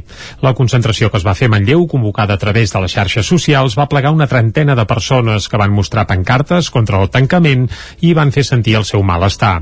El tancament d'oficines a Osona no acaba aquí. El barri de Montserrat de Torelló també s'ha quedat sense cap oficina bancària després que divendres obrís per última vegada la que quedava. El juliol ja va tancar la de CaixaBank i ahir ja no va, obrir, ja no va obrir portes la del BBVA, de manera que el barri s'ha quedat sense sucursals ni serveis bancaris. Mercè Faja és la regidora de Promoció Econòmica i Comerç de l'Ajuntament de Torelló. Per nosaltres doncs, és una mala notícia, sobretot perquè afecta uh, un barri bastant important, un barri que eh, com és el barri de Montserrat, que també hi ha una majoria de gent gran, que perdre aquestes, aquest servei d'oficines i només deixar-los amb caixers eh, s'hagin de desplaçar tot i que les entitats asseguren i venen que l'atenció és telefònica i que ho, solventaràs tot per telèfon s'hagin de desplaçar el que és el, el, el centre del poble. Per tant eh, sí que pot, hi pot haver-hi aquí un problema de mobilitat per intentar ajudar sobretot a les persones més grans, a Torelló estan estudiant la possibilitat de fer cursos per tal que aprenguin a operar a través d'internet. Ens estem plantejant doncs, des de l'àrea de, de promoció econòmica de, de l'Ajuntament eh, com ajudar en aquestes persones grans si a través d'una formació amb, amb, amb, amb tecnologies així o amb un espai adequat en què hi hagi una connectivitat i tinguin un suport, vull dir, ho tenim a sobre, a sobre la taula i mirarem per en poc temps eh, poder donar un, una ajuda cap a aquesta situació. Mentrestant, però, el degotall d'oficines bancàries que va tancant no sembla que s'hagi d'aturar. A Catalunya, des que va esclatar la crisi del 2008, s'han tancat el 65% de sucursals bancàries i ja hi ha a prop de 500 pobles que no tenen ni tan sols caixer automàtic. El regidor biguetà Josep Arimany i l'alcalde de Call d'Atenes, Marc Verdaguer, ajornen fins al 2022 el relleu a la Diputació de Barcelona. Expliquen que es tracta d'una pròrroga pactada i es desmarquen de batalles entre Junts per Catalunya i el PDeCAT. L'alcalde de Call d'Atenes, Marc Verdaguer, i el regidor a l'Ajuntament de Vic, Josep Arimany, s'havien de repartir el mandat a la Diputació de Barcelona, però finalment no faran el relleu fins al 2022, quan faltarà poc més d'un any per a les eleccions municipals. Segons expliquen ells mateixos, aquesta pròrroga no obeeix a cap conflicte personal ni polític, sinó que Arimany ha demanat allargar la seva tasca al capdavant de l'àrea d'innovació, governs locals i cohesió territorial per acabar projectes que s'han alentit a causa de la pandèmia. Entre aquests projectes, que encapçala, ell mateix cita revertir la falta endèmica de secretaris municipals, garantir una bona connexió a internet a tots els ajuntaments, per petits que siguin, o el programa de formació de funcionaris. També destaca que continua treballant per retornar els caixers automàtics a pobles on les entitats bancàries els han retirat. Amb aquest ajornament pactat, els dos diputats usonencs es desmarquen de batalles com la que mantenen el PDeCAT i Junts per Catalunya a la Diputació de Tarragona, on el partit ara liderat per l'exconsellera Àngel Chacón exigeix a Marc Ayala, de Junts, regidor a Valls, que traspassi l'acte a Marc Rovira, del PDeCAT, i alcalde de Barberà, de la Conca. En el cas d'Osona, Junts ja va assajar la fórmula de repartir el mandat entre el 2015 i el 2019, però per desavinences, finalment, l'aleshores alcaldessa de, Santa, de Sant Quirze, volem dir, de Besora, Rosa Vestit, no va acabar agafant el testimoni de Josep Salom, que era alcalde de Tona. L'altre representant d'Osona a la Diputació de Barcelona és ara mateix l'alcalde de Sant Pere de Torelló, Jordi Fàbrega, a qui l'Assemblea d'Esquerra Republicana va revalidar la confiança per dur a terme el seu segon mandat consecutiu. A diferència del primer, però, quan era diputat delegat d'Infraestructures Viàries i, i Mobilitat, ara Fàbrega és a l'oposició fruit del pacte de govern que hi ha a la Diputació entre Junts per Catalunya i el PSC. Queixes a Centelles perquè el plenari municipal es deixa d'emetre en directe per internet. L'oposició va abandonar l'últim ple com a mesura de protesta. La difusió pública dels plens de Centelles porta cua. Dimecres passat, mentre estava debatent l'aprovació de l'acte de la sessió de juliol, els grups d'Ara Junts i Fem Centelles es van assabentar que la sessió no s'estava emetent en directe per internet. Davant d'aquesta situació, qualificada d'autoritària i de manca de transparència pels regidors d'Ara Junts i de Fem Centelles, els grups de l'oposició van decidir abandonar la sala. Des de l'equip de govern, encapçalat per l'alcalde Josep Paré, del PSC, justifiquen la decisió explicant que la transparència ja es garanteix, ja que la videoacta dels plens municipals es fa pública.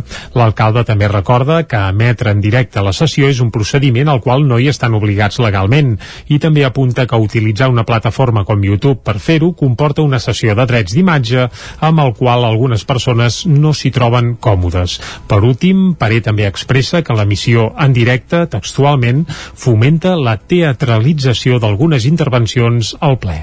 Carles Azcón és un artista contemporani que treballa l'art plàstic abstracte i fins l'1 d'octubre es pot visitar l'espai Carles H, mort de Cardedeu, la seva exposició Mar Endins, on l'artista plasma la seva visió del fons marí i les seves formes de vida.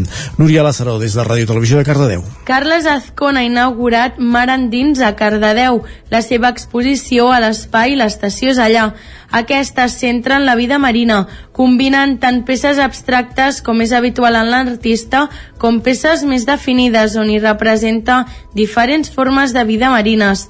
L'artista ha viatjat molt al llarg de la seva vida i aquestes vivències han influenciat la seva creativitat i expressió. Un cas és el de diverses obres d'aquesta exposició, on ha volgut plasmar les balenes que va poder veure en el seu hàbitat natural en un viatge a Austràlia l'any 2017. A part de representar la bellesa de la vida marina, aquesta exposició per l'artista també té una altra raó de ser, Carles Azcon. Uh, aquesta exposició és, uh, està molt conscienciada amb el que ara actualment està passant que és a, a la contaminació amb els mars i el canvi climàtic. I el mar és un lloc eh, molt important per al funcionament del planeta. I per tant volia fer aquest homenatge cap, a, cap al mar i cap a, a aquest, aquest misteri que, que té el mar tot i combinar peces abstractes i peces més realistes, totes comparteixen gamma cromàtica. L'artista ha volgut crear un conjunt de peces que transmetin vitalitat i moviment marí, el que ell mateix anomena el misteri del mar. A més, l'artista també recalca que en aquesta exposició ha volgut jugar amb colors vius, crear peces que transmetin la vitalitat i el moviment característics del fons marí.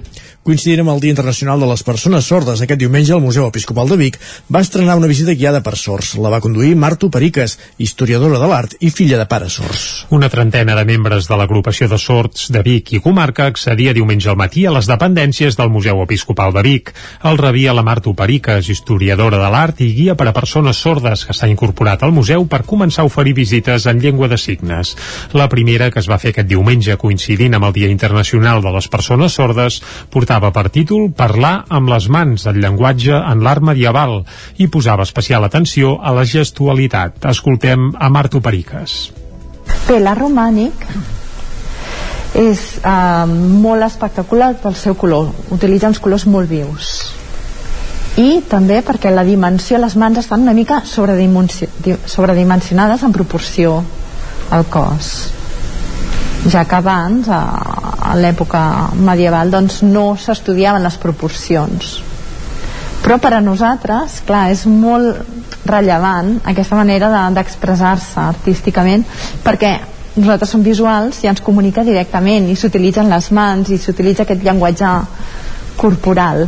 Llavors ho entenem nosaltres jo crec que ho entendrem molt bé no? com es comunicaven abans la incorporació d'una visita en llengua de signes per a la comunitat sorda és fruit d'un acord de col·laboració entre l'agrupació de sords de Vic i Comarca i el Museu Episcopal de Vic. Per Carme Comas, cap de difusió i acció cultural del museu, es tracta d'un pas clau per avançar cap a la inclusió real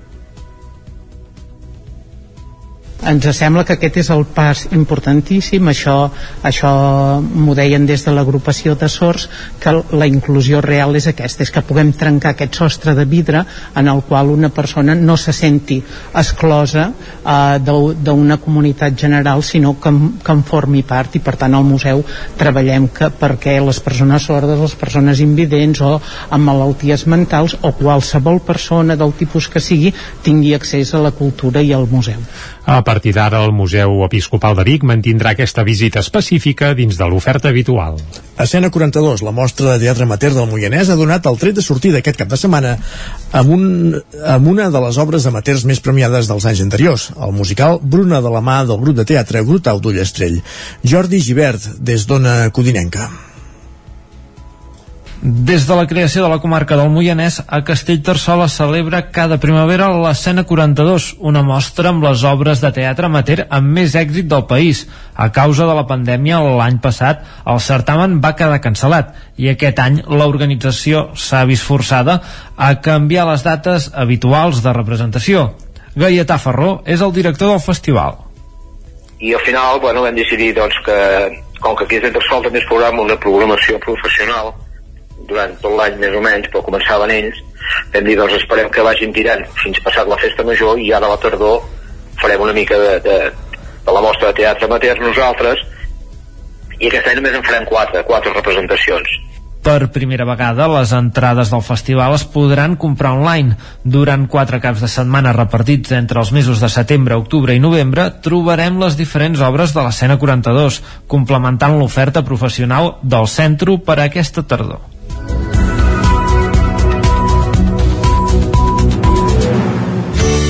Territori 17. Envia'ns les teves notes de veu per WhatsApp al 646 079 023. 646 079 023. WhatsApp Territori 17.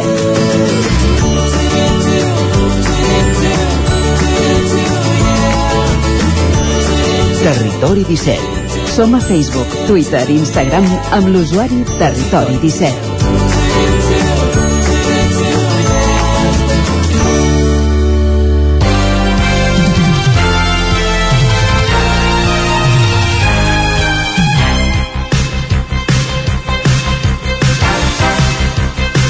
Un quart i un minut de 12 del migdia, una, un dels titulars del cap de setmana el donava el ministre d'Inclusió, Seguretat Social i Migracions, José Luis Escrivá, amb declaracions com aquestes en una entrevista al diari Ara. En Europa hay una tendencia clara a que entre 55 y 70, 75 años se trabaje cada vez más. Y hay que generar dentro de las empresas eh, dinámicas en las cuales personas de cierta edad pues van cambiando su actividad. I una cosa així no ha passat desapercebut en Joan Carles Arredondo i a partir d'aquí eh, fem la secció d'economia de- d'avui, dimarts. Joan Carles, bon dia. Bon dia. És, eh, què, què, què, què, què, et sembla aquestes declaracions del ministre? No sé si has vist el mètode, el mètode Kominsky. L'he començat a veure més d'una vegada, però no l'he no acabat. Molt bé, doncs, en, en aquesta sèrie, quan, sí. si, si, si la pots continuar veient, eh, aquesta sèrie es veu a Netflix, eh, hi ha un personatge, eh, és un personatge secundari, eh, gai- gairebé diria que irrellevant, però, però que no deixa de cridar l'atenció. És un personatge que es diu Àlex, eh, i és un cambrer d'edat que diríem més que avançada, eh, i va transportant tremolors una safata amb begudes eh, i a l'espectador la sensació que li causa és ai que li caurà o fins i tot ai que caurà el personatge no? Um, eh, clar, aquest, aquesta escena és una mica grotesca, no?, perquè veus un cambrer eh, que, que clarament no està en condicions d'exercir aquesta feina i, i diguem-ne que la sensació que et dona és que, que està fent aquest home, no? Però a la vista del que estava proposant, eh, això que aquest tall de veu que has posat molt oportunament, eh, del que va dir el ministre d'Inclusió, Seguretat Social i Migracions, eh, José Luis Escrivá, eh, aquestes escenes eh, no haurien de resultar sorprenents, eh, perquè si no està a l'agenda, almenys si en les reflexions hi ha aquesta opció de propiciar que la vida laboral s'allargui fins als 70 o 75 anys. Eh, per tant, si aquesta reflexió es converteix en realitat, no serà estrany trobar molts Àlex, perquè precisament l'estat espanyol és un país on la quantitat de cambrers és molt elevada, no? No, i, no, digues, digues, perdó. No, no, anava a dir, clar, hi ha, hi ha feines eh, com aquest, com la de cambrer o, d'altres que requereixen un esforç físic, evidentment, qui, qui la fa i sent aquestes declaracions es posa el, el crit al cel. Però no, no, no només els que tinguin esforç físic, no? Vull dir que al, al final la vida laboral és una, no?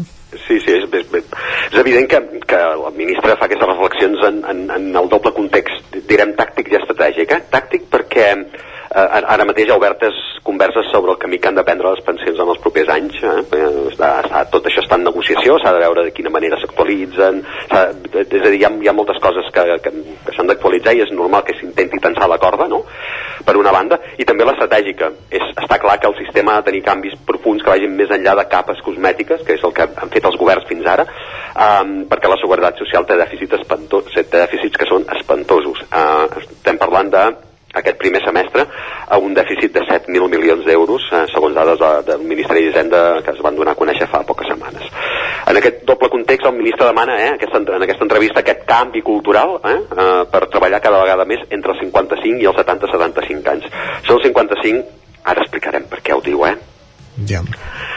Eh, Escrivà està clar, eh? ell, ell de números ja entén, eh? No, També, clar, és, és evident, sí, sí. sí, i, I de sistema de seguretat social més, I no? té un marron sobre la taula i intenta buscar solucions.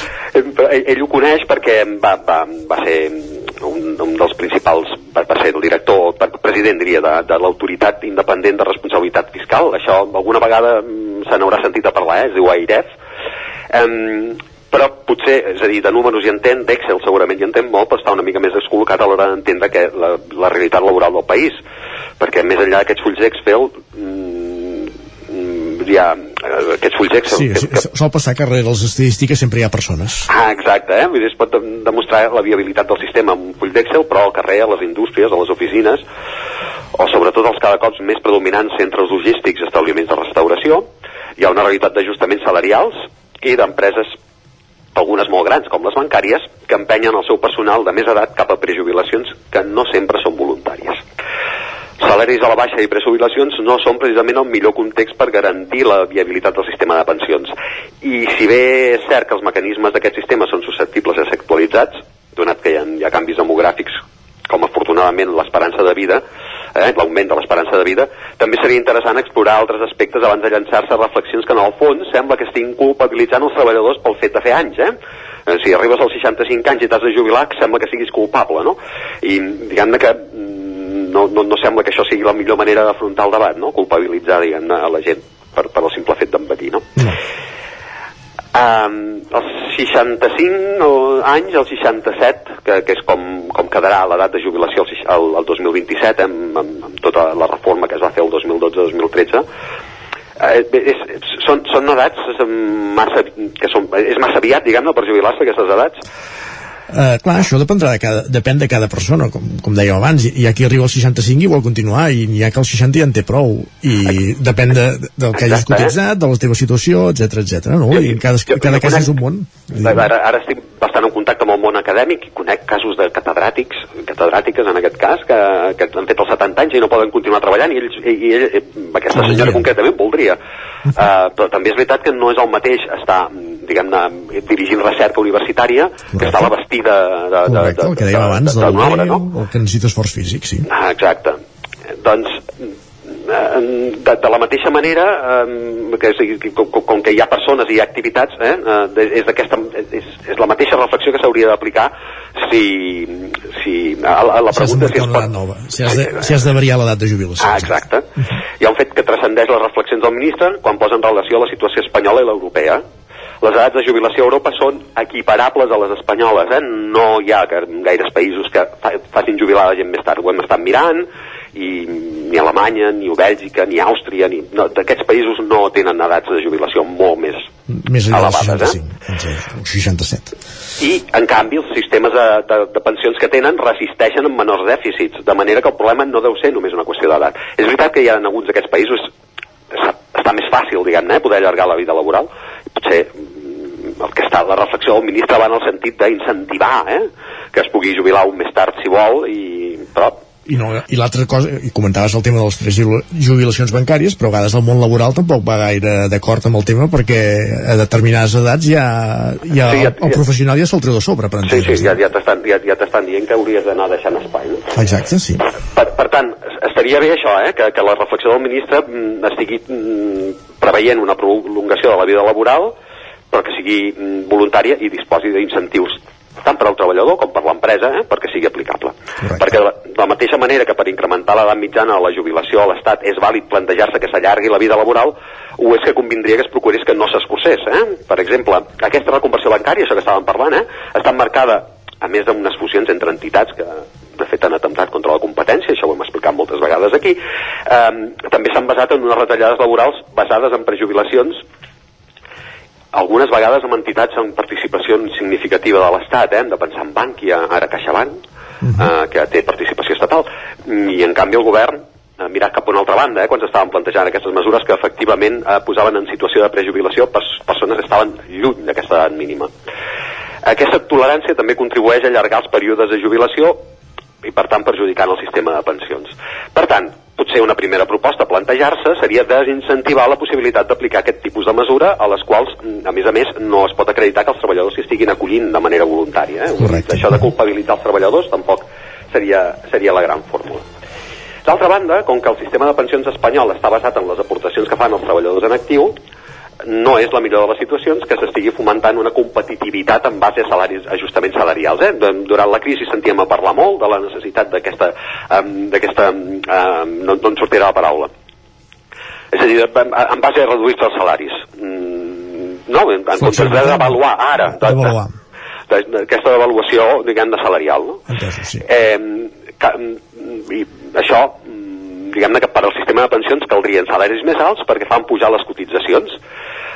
Per tant, seria bo, bo mm, que hi hagués una atenció a la innovació i a la formació, que són segurament els motors de la productivitat que motivarien que es poguessin fer salaris més alts, i diguem-ne que l'Estat ho diran finament no, no han estat uns, intent, uns, in- uns intents reeixits per tant, posar el focus de, del problema de les pensions de l'Estat en l'edat de sortida del mercat laboral és una idea amb riscos, perquè allargar les carreres professionals suposa una dificultat afegida per les generacions joves que han d'accedir a la feina en un país que té unes taxes de- de- de- d'atur juvenil elevadíssimes. Eh? Aquí, mm, sí, mm, tant, tant comparant-nos amb Europa, mm, també podríem establir aquesta eh, de comparació.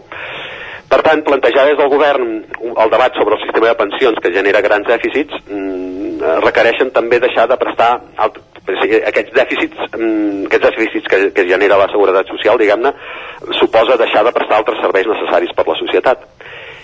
Per tant, mm, demanar aquests canvis eh, no només és legítim, sinó exigible. Però també ho seria que els termes d'aquest debat eh, n'abastin totes les, les arestes. El ministre Escrivà planteja el seu mètode, el mètode Escrivà, equiparable al personatge del cambrer del mètode Kominsky, però és necessari que al camp de divisió del debat hi figurin també altres disfuncions que estan ara mateix pendents de solució. Doncs escrivat escolti, anava a dir, Déu t'escolti, no, escrivat escolti, A veure si és veritat. i, i aquest mètode escrivar mm, tingui alguna modificació, diguéssim, pel, pel bé de, de tots plegats. Entesos. Moltíssimes gràcies, Joan Carles, fins la setmana que ve. Gràcies a vosaltres, bon dia. La secció d'Economia que ens acompanya cada setmana al Territori 17 amb Joan Carles Arredondo, cap d'Economia del 9-9 del Vallès Oriental. Amb ell arribem també al punt eh, dos quarts menys 3 minuts de 12 del migdia. Farem una pe- petita pausa per la publicitat i tornem de seguida al Territori 17.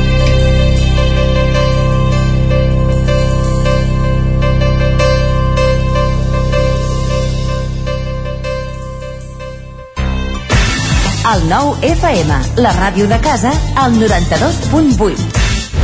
El racó de León. Gaudeix de la nostra terrassa. Vine a tastar les xuletilles de lechal a la brasa amb una bona amanida o el xuletón de vedella gallega. No et pots perdre el nostre lechado de Castilla al forn o el cochinillo a l'estil de Segovia. Tot acompanyat del millor celler, al menjador o fora la terrassa. Descobreix la millor cuina de lleó sense moure't de casa. Vine amb la família, els amics, la parella o sol. T'encantarà. El racó de León, cuina tradicional lleonesa i de mercat. Som al carrer Torelló número 35 de Vic. Per reserves, telèfon 93 889 1950. El racó de León, una cuina diferent. Som especialistes en cargols a la llauna. Vine a tastar-los al racó de León. Arriba la Welders Battle, el primer concurs de soldadura que impulsa Cefosol, el Centre de Formació de Soldadura. Anima't a participar-hi a títol personal o representant la teva empresa o institució. Premis pels guanyadors, obsequis per als participants i moltes sorpreses més.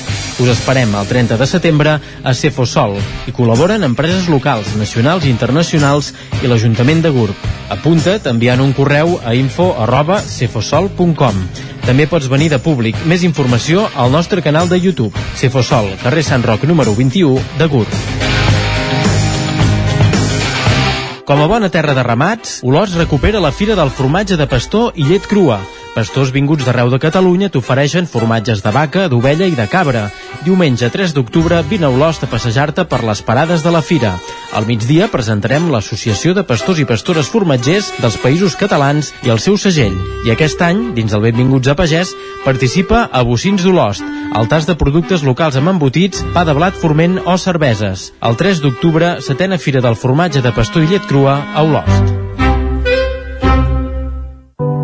Cobertes serveis funeraris. Els nostres tanatoris estan ubicats en els nuclis urbans més poblats de la comarca d'Osona per oferir un millor servei. Tanatori de Vic, Tanatori de Manlleu, Tanatori de Centelles i Tanatori de Roda de Ter. Sabem que són moments difícils i per això el nostre compromís és atendre-us en tot moment amb un tracte humà, sensible i respectuós. Cobertes serveis funeraris.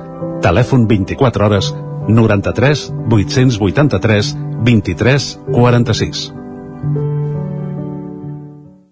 Anuncia't al 9FM. La màquina de casa. 9 3 8 8 9 4 9 4 9. Publicitat arroba al 9FM.cat. Anuncia't al 9FM. La publicitat més eficaç. El 9 FM, el 9 FM, el 9 FM, el 9 FM, el 9 FM.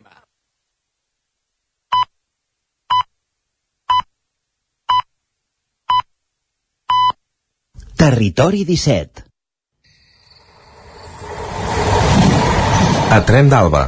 Cada dia els usuaris de la línia R3 de Rodalies que veuen sortir el sol des d'un vagó ens expliquen les gràcies i les penes del primer comboi que uneix Ripoll i Barcelona. Benvinguts a Tren d'Alba. Doncs avui us explicaré com va anar la manifestació que es va fer a la Garriga el passat dijous promoguda pel col·lectiu perquè no ens fotin el tren. Doncs en aquella concentració es va llegir un manifest on es deia que des del 30 d'agost la Garriga havia perdut 6 trens diaris. Cal recordar que la població té 16.000 habitants i va perdre un 10% de les freqüències del tren que ja eren escasses de per si. Ells consideren que això prové de la pèssima gestió que ha fet Adif, Renfe, Rodalies, el Ministeri i el Departament corresponents. El manifest deia que es podia haver evitat, ja que el propi desdoblament preveia construir una via morta en prolongació de la via 2 i un cop aquesta via construïda, començar les obres sobre la via 4, però DIF executa els plans en l'ordre invers i deixa inoperativa la via inexistent abans de tenir a punt la nova. Demà us n'explico més, però ara us deixo amb la crònica d'en Carles Bassaganya. Bon dia, bon dia al matí. Avui ens hem llevat ben d'hora, ben d'hora, o de fet no tant, eh? Però per poder agafar el tren Bala, a Ripoll a les 7, eh, 18 del matí i poder arribar de nou a Barcelona, a la plaça Catalunya. Avui, bé, amb només 7, i dic només 7 minuts de retard. Escoltava, de fet, l'altre dia la crònica d'un company també del tren, en aquest mateix programa, en Jordi Valls, des de Centelles, que també parlava de números i parlava també de la possibilitat de que quan precisament s'arriba un quart d'hora tard es pugui demanar eh, la indemnització que té aquest nom de devolució express. El que et fan en el fons és quan s'arriba un tren més tard d'un quart d'hora vas canviar-ho per un bitllet mm, eh, que en diuen això que dèiem, devolució express. I l'escoltava amb ell i en un moment en el qual tots nosaltres ens hem acostumat a parlar de números, jo ara ho he fet, no? Un retard de 7-8 minuts, o parlar de números, per exemple, amb tot això de la pandèmia, no? De, de les eh, índexs de gent a l'hospital, d'índex de contagi, percentatges, números. Hi ha un percentatge que a mi sempre m'ha causat inquietud i que me'l demanava si algun dia podria arribar a saber, que és precisament això, el percentatge de devolucions que la gent acaba demanant sobre els retards dels seus trens, perquè malauradament no és fàcil fer-ho. S'ha d'haver esperat més d'un dia de que hi hagi hagut aquell retard, tornar a anar a l'estació, demanar-ho. Per tant, seria com un percentatge que a mi m'interessaria saber. Quin és el percentatge de persones que, malgrat que el seu tren i que tinguent dret a poder demanar aquesta devolució, ho acaben fent. I en general una mica això, el poder que tenim tots nosaltres de ser exigents, naturalment amb el somriure, ser d'alguna forma bons ciutadans amb exigir drets i deures per les dues bandes. I això també segurament és una qüestió de percentatges. Res, que tingueu tots molt bon dia i jo pendent de tornar aquesta tarda en tren. Novament, el meu percentatge és d'un 100% d'ús del tren sempre que puc per baixar a Barcelona. Adéu-siau, bon dia. Doncs ahir em vaig aventurar que era d'un 5% o menys, i veient una mica el panorama, jo diria que deurà ser menys, sense cap mena de dubte. Va, ens retrobem demà amb més històries del tren i de l'R3. Territori 17, el 9 FM, la veu de Sant Joan, Ona Codinenca, Ràdio Cardedeu, Territori 17. El racó de pensar, a Territori 17. Doncs el racó de pensar, com cada dimarts, és un moment de saludar la Maria López. Avui, Maria, si no tenim mal entès, per parlar d'ensenyament híbrid. Bon dia. Bon dia, correcte. Bé, sembla que has fet els deures, eh, des sí. Al- algú m'ha fet un xivatasso. Algo tan xivat, tan un xivat. Mireu, un ocellet, un, un, un, un pajarraco, que diríem. Escolteu, us explico. Les escoles, instituts i universitats han passat un any i mig on han viscut una mena de regreso al futuro. Recordeu la pel·li aquella, no? Una cosa que, que, que eh, salta amb el temps i de cop ha de saber anar amb un patinet volant, doncs coses així. És com si el personal docent del nostre país eh, s'ha hagut d'espavilar 5 anys de cop. En realitat és una cosa que ens ha tocat una mica fer a totes les professions, però quan parlem d'ensenyament, on precisament el fonament de la teva activitat diària és el contacte amb 25 alumnes a l'aula, la falta de presencialitat ha marcat un abans i un després. Des del confinament més radical, el segon i tercer trimestre del curs 2019-2020, als centres escolars tothom es va haver de posar les piles i incorporar les pantalles dins del dia a dia. L'ensenyament a distància feia la seva aparició, però per la porta gran, a més a més. Després, el curs següent, es va poder tornar a classe, però amb aquella intermitència segons el confinament o, en el cas de les universitats, encara més enllà. Portem, doncs, i sense voler-ho inicialment, adaptant-nos a un sistema d'ensenyament híbrid, que per qui li soni una mica xino és aquesta modalitat alternativa d'ensenyament i aprenentatge que combina l'educació presencial tradicional, la de sempre, amb les classes virtuals i a distància. Al principi, quan va aparèixer i ens vam adaptar, només li veiem pegues, no? Era com la, la mena aquesta de ràbia d'haver-nos d'adaptar. Però era la solució desesperada. Però amb el temps, i segons ens hem anat traient tots aquests màster express en noves tecnologies, a les que ens hem vist obligats, comencem a trobar-li el què a l'ensenyament a distància. I és que està clar que no tot és blanc o negre. Així que avui volem parlar d'això, de l'ensenyament híbrid, dels pros i els contres, de les novetats tecnològiques que ja tenen en compte aquests contres, de com afecta emocionalment aquest ensenyament a distància i en el desenvolupament aquesta falta de contacte. I en definitiva, de cap a on anem quan el futur arriba en el temps que li toca. Per parlar de tot això, avui compto novament a l'estudi amb en Juanjo Fernández Solà, tertulià habitual de la casa i que he trobat molt a faltar els últims mesos. Bon dia, Juanjo. Bon dia. Ell és, eh, ha estat professor, ara és escriptor, formador i conferenciant per a famílies, escoles i empreses, col·labora a l'Ara Criatures i al Revolució 4.0 i això és ja com casa seva una mica. I tant. I des de la distància i a l'altra banda del telèfon tenim en Josep Castillo. Ell és professor del Departament de Pedagogia de la Facultat d'Educació, Traducció i Ciències Humanes de la Universitat de Vic. És membre del grup de recerca educativa de la Universitat de Vic i també és coordinador i tutor de quart d'ESO a l'Escola Pia de Granollers. Bon dia, Josep. Hola, bon dia, què tal? Molt bé, ens sents bé, eh, des de la distància? Sí, vaig en cotxe, no sé si això serà un impediment, però... Bueno... A tu, a tu et sentim, a tu et sentim. aquestes coses.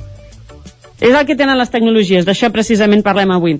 Mireu, eh, com a punt de partida us explico que he rescatat una enquesta que ha fet l'Institut La Cetània parlant precisament de l'ensenyament híbrid. I d'aquí, d'aquesta enquesta, m'he quedat amb algunes preguntes curioses que m'han semblat molt interessants i que m'agradaria saber també com ho veieu vosaltres. Així anem valorant aquests pros i contres del que, dels que parlàvem. Eh? D'entrada, hi ha una pregunta que m'ha cridat molt l'atenció, que era directament, s'aprèn el mateix? I en aquest institut, el 50%, entre mm, mitja diguéssim, de mestres i, i alumnes, eh, directament consideren que no, que no s'aprèn el mateix. I l'altre 50% diuen que segons la matèria. Però en cap cas ningú considera que s'aprengui més. No sé si esteu d'acord amb aquestes afirmacions. La veritat és que quan, sempre que hi ha algun tipus de transformació o d'innovació més o menys eh, radical, la tendència en general és a considerar que el que tenies eh, era millor paradoxalment, per exemple eh, quan, eh, quan s'ha tractat de, de fer a ICLE, és a dir, ensenyar eh, matèries eh, en llengua estrangera, una llengua que no és la, la pròpia, fer tecnologia en anglès o que sigui, doncs també la pregunta era aquesta. S'aprèn el mateix i, i llavors resulta que la percepció en alguns casos, especialment de les famílies o d'alguns professors, és no, no, perquè així no hi ha manera, perquè això... I en canvi, en canvi, la realitat era que no només s'aprenia, sinó que s'aprenia segons com més, és a dir, que més alumnes dels que, eh, dels que tenien dificultats eh, fent-ho en, eh, en llengua catalana, resultava que, segons com eh, fent-ho en anglès, per, un, per una sèrie de, de qüestions, doncs aprenien no només la matèria, sinó que també aprenien anglès, que era, que era també l'objectiu. O sigui que... Mm, sí, eh, digues, digues, Josep. No, no, que, que, que, que estic d'acord amb tu. De fet, el, el que ens hem de preguntar és eh, què, què aprenem de diferent, no sols canviant les tecnologies, sinó també canviant les metodologies i canviant fins i tot el professor. A, a mi em fa molta gràcia que tothom, quan hi ha alguna innovació, com deies tu, eh, parla de que s'aprèn menys, però ens preocupem molt poc de, de, de valorar què és el que apreníem, perquè ho fem sobre percepcions, ho fem sobre opinions, però és veritat que hi ha poca recerca que et digui, escolta'm, és que això que, que he fet nou varia significativament respecte a aquest àmbit o aquest altre. Moltes vegades els articles d'opinió, els diaris o l'opinió general fa una valoració sobre dades no comprovables, no? Llavors, amb el amb el tema aquest de- de- d'haver-ho de, de digitalitzar, haver digitalitzat les relacions, és evident que les relacions han sigut diferents. I, per tant, igual no afecta tant el contingut de les matèries, el contingut de l'aprenentatge, però sí a totes aquestes competències i aquest univers d'aprenentatges que, que es fan a l'escola que no hem pogut fer perquè no hem conviscut, no? Llavors, eh, bueno, eh, s'a- s'aprèn menys, però a vegades quan, quan avaluem, quan mirem els resultats d'educació, ens anem a buscar les dades sobre els continguts, no sobre els aprenentatges reals dels alumnes. I, i, i això, Llavors, d'alguna manera, sí... Digues, digues, Josep, perdona. bueno, que ens fa tenir una mena de- de- de- d'opinió esbiaixada sobre sobre com està el tema aquest de què s'aprèn, què no s'aprèn. Està bé el que aprenem? Ha estat millor? Ha estat pitjor? Bueno, és el que deia en Michael, no? Però, però eh, també, per exemple, quan, quan hem fet el fals debat sobre el tema de la immersió lingüística, no? Resulta que, oh, és que gasten més hores en, en, en aprendre català. Llavors mires les dades i dius, el nivell de competència dels alumnes catalans en castellà és superior a moltes comunitats on no n'hi ha bilingüisme, no? Bueno, no sé, hem, hem d'anar una mica a les dades, perquè si no acabem parlant sobre impressions i, i, i sobre eh, sensacions que, que no ens ajuden a fer un anàlisi eh, acurat de, de la situació. No? Us dona una mica la sensació que potser aquesta, aquesta conclusió de que s'aprèn menys hi ha més de resistència al canvi, potser? Sí, a veure, jo crec que, que eh, crec que sobretot eh, hem de ser extraordinàriament humils. Eh, a mi m'agrada dir que hem de lluitar contra dues arrogàncies. L'arrogància fòsil, que és la de això sempre s'ha fet així, eh, això no s'ha fet mai d'aquesta altra, altra manera, eh, això no s'ha fet mai, i això és l'arrogància fòsil, és la de que té els, els mateixos apunts amb els que va acabar la carrera i els fa servir i ja són papers groguencs.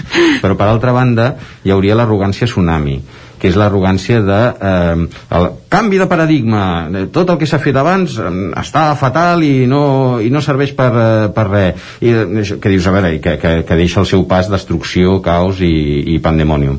Eh, jo crec que és, és bo o sigui, recordar que allò que plantegem com a metodologies no serà mai eh, bo, perfecte, fins i tot útil per tothom. Perquè, perquè som tots diferents. Moltes vegades parlem de l'atenció a la diversitat i en canvi no, no entenem ni atenem la diversitat també en la manera d'aprendre. Llavors eh, hi ha gent que hi ha alumnes que segurament durant el confinament a través de, de, de metodologies a través de la pantalla eh, han après probablement més i millor i, i s'han sentit més a gust fins i tot i en canvi d'altres que s'han despenjat que no ho han vist clar o que o que els ha anat fatal, fatal això. Jo crec que el que és un error és dir, no, no, a partir d'ara ho hem de fer tot així, d'aquesta manera, i ja, perquè això és entrar, convertir l'arrogància tsunami, la innovació, en arrogància fòssil. És a dir, no, no, aquesta és la metodologia, l'apliquem així, tal qual, i ja està, i no movem res.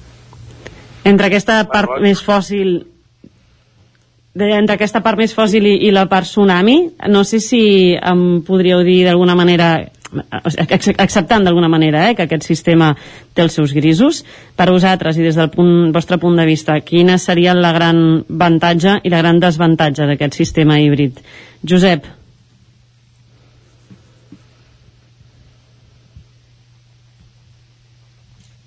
Ara no sé si l'hem perdut. S'ha perdut Juanjo, digue'm tu, mentre a veure si el mm. rescatem.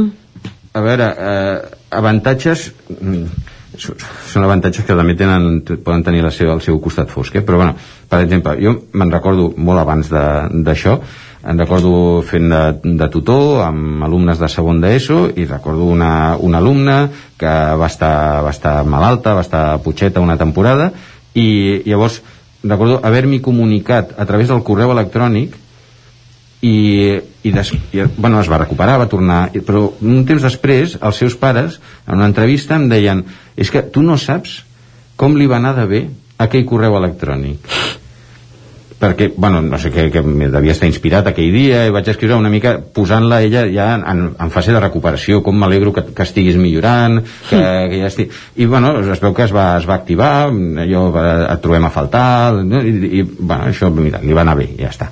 Doncs, eh, de, hi ha alumnes que la, la relació a través de la pantalla els resulta més còmoda, més fàcil, més tranquil·la, menys angoixant, no? potser perquè et dona més temps a, a pensar les coses quan les, eh, quan les reps eh, tens temps d'elaborar de, una mica el discurs tu com a tutor eh, dic, eh, pots fer segons quines bromes que en directe és més difícil que si veus que fas una broma l'altre no respon i en canvi si estàs com a alumne, estàs tu sol davant la pantalla, et pots permetre el luxe de, de riure, de somriure, d'establir de, de, una mica aquest vincle de confiança a, a través de la distància. Jo crec que, que això no sempre ho valorem, ho valorem prou.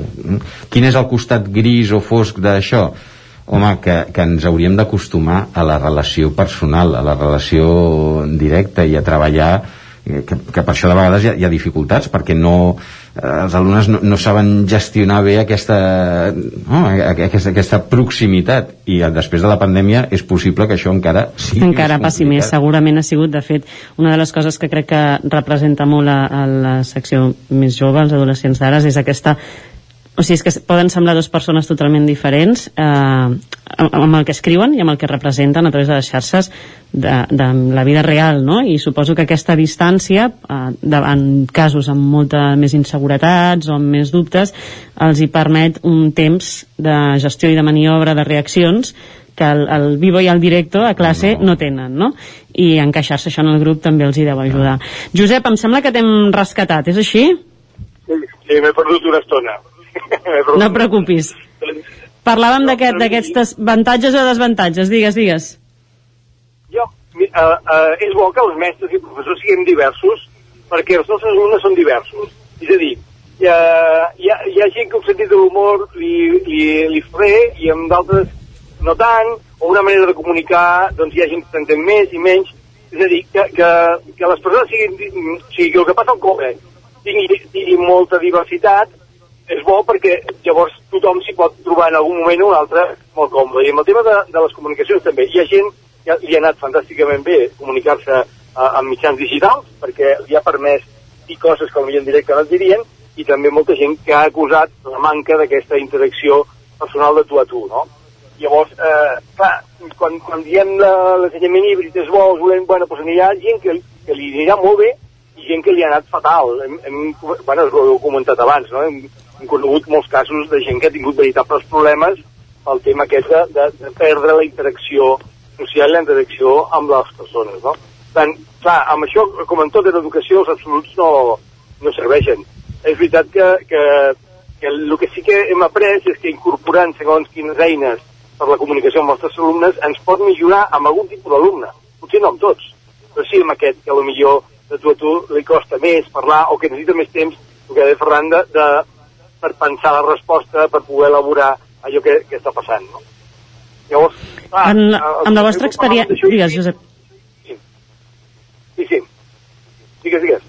No, no, us anava a preguntar que segons la vostra experiència, en quant a participació pel que fa a la classe en si, tu, us sembla que, que la gent s'atreveixi més? O el fet al revés, no?, de poder-te desconnectar amb la pantalla i tenir a l'altre costat de l'aplicació el Minecraft mentre el profe parla encara fa més desconnexió? Jo el que he descobert que per mi era insuportable és el silenci i videoconferència. Vale? Perquè yeah. en una classe, quan hi ha silenci, hi ha molta comunicació. No cal que ho diguem tot. Hi ha coses que amb les mirades, amb els gestos, amb les, cases, amb les cares, eh, ens comuniquem molt. Llavors, el silenci i videoconferència, encara que tinguis la càmera posada, és, és terrible. Fas una pregunta, ningú no contesta no? I, eh, més que li dones el mute, no? no, no va, i, eh, i aquest silenci a mi, per mi ha sigut feridor, eh, com a professor. Ha sigut conferidor i m'ha bueno, incomodat en més d'una ocasió, no? Eh, hem fet el que hem pogut perquè és el que teníem, però clar, hi ha tota una dimensió de les relacions, de la comunicació no verbal, que ens l'hem perdut una miqueta. I llavors això jo crec que no, no compensa i ho he fet perquè no, no ens quedava més remei i, eh, i, i no podia fer-ho d'una altra manera, no? Però, però ens, falta, ens faltaven coses, no? Així com, com segurament la possibilitat de, de, hi ha unes possibilitats que s'han obert amb el tema de les noves tecnologies que no teníem. Per exemple, eh, hi ha moltes reunions, hi ha moltes coses que, ostres, ens ha facilitat molt la vida no haver de desplaçar-nos i, eh, i, i eh, bueno, segons que reunions els hem escurçat molt i ens ha anat molt bé. Però en, en aquesta dimensió de d'aprendre a viure, d'aprendre a conviure, eh, ha tingut una part bona. Eh, de fet, una de les coses que, que no ens pensàvem i que hem hagut d'aprendre és a fer videoconferències. Creiem que teníem eh, eh, doncs, natius digitals, i llavors de, de cop i volta ens vam trobar dient, bueno, com es fa una videoconferència? O sigui, eh, encara que estiguis a casa teva, està bé que et vesteixis, no cal que, estiguis, que facis la, la videoconferència des del llit i en pijama, no? O t'has de pentinar. Bueno, això, o com es fa una mail, no? Vam descobrir que, que potser hi havia coses que no s'havien fet tant. Per tant, ens ha servit per aprendre a conviure en un món digital, que és el món en el que viuran els nostres alumnes, i per tant, dolent no és. Però sí que hi ha aquesta... Eh, jo, jo crec que no és el mateix eh, com ho ha viscut un alumne de, de primer de batxillerat que un alumne de tercer de primària. Aquest alumne de tercer de primària, doncs això, el contacte amb la, amb la mestra, eh, jo crec que l'ha trobat a faltar. Sí, i els alumnes de, i els alumnes de batxillerat, eh, jo crec que també han trobat a faltar, si no l'han trobat a faltar el contacte entre ells eh, ho trobo també preocupant perquè llavors an anem entrant en aquesta, en aquesta relació una mica a través de, a través de la pantalla que, que ens ha salvat però també en alguns aspectes ens ha condemnat una mica. Jo, jo crec que per, eh, pel que serien classes magistrals, exposicions, això, la veritat és, jo, jo que tendeixo de vegades a ser, doncs, de, a explicar, mm, omplir pissarra i tal, eh, fer dibuixos i això, clar, mm, tenir una classe com havia passat alguna vegada, que tenia el, el curs confinat i, i estaven a casa seva, mm, és molt còmode en el sentit aquest silenci de la videoconferència clar, és molt diferent de, escolta, fes el favor calleu, a veure, pren, pren nota i tal. És molt diferent, i, clar, pots anar tirant milles, que no vol dir que t'estiguin atenent o que t'estiguin eh, escoltant, que pot, pot resultar molt tranquil·litzador eh, en, en aquest aspecte. Però certament la interacció jo sí que he vist que la, la interacció era molt, molt, molt complicada. O sigui, dir, eh, a veure qui pot contestar això? A través del xat, perquè si havia de ser a través del micròfon ja estaven perduts. Eh, llavors a, a través del xat eh, i aquí és més ràpid, i aquí és més lent. També descobreixes, amb això del, dels xats a les videoconferències, descobreixes talents ocults. Gent que probablement a classe, a l'aula no no aixecaria la mà, no participaria i en canvi, allò que dèiem en el xac se, se sent a casa seva, se sent més, més segur, eh, sap que no hi haurà aquell que el mirarà o que li dirà o que dirà alguna cosa allò eh, sotobotxe que, que el farà sentir malament i llavors que la, gent, segons com, alguns intervenien més a través del, del xat una mica, Juanjo, amb, amb això que parlàvem, no? d'aquests caràcters que, que potser els hi s'amaguen més i que en part d'alguna manera la, la, la pantalla els ha permès parlar més, tot i que sigui escrivint i donar aquest marge de seguretat, entrem també en un altre tema, que és aquesta falta de, de contacte i, el, i el, la detecció de segons quines necessitats emocionals, perquè l'escola, els instituts, més enllà de, de ser el lloc on aprendre, és un lloc on d'alguna manera et fan un seguiment i aprens moltes més coses relacionades amb, amb les emocions, no només amb el currículum, i on es detecten certes situacions que potser amb aquesta falta de, de contacte i de mirades se'ns poden escapar, no? Que, eh, que detectes tu com a tutor i que detecta de vegades aquella, aquella professora, aquell professor que ve a la sala de professors i físicament doncs, eh, et diu escolta, li passa alguna cosa a aquest xaval? O he vist que eh, quan sortim al pati no, no, porta, el, no porta mai entrepà no, això, i, i hi ha coses que a través d'aquest contacte tu et, et permet com a tutor anar recollint aquesta informació i, i actuar eh, en favor de l'alumne eh, sí, sí, sí, això jo crec que és més, eh, molt més presencial que no pas, eh, que no pas híbrid.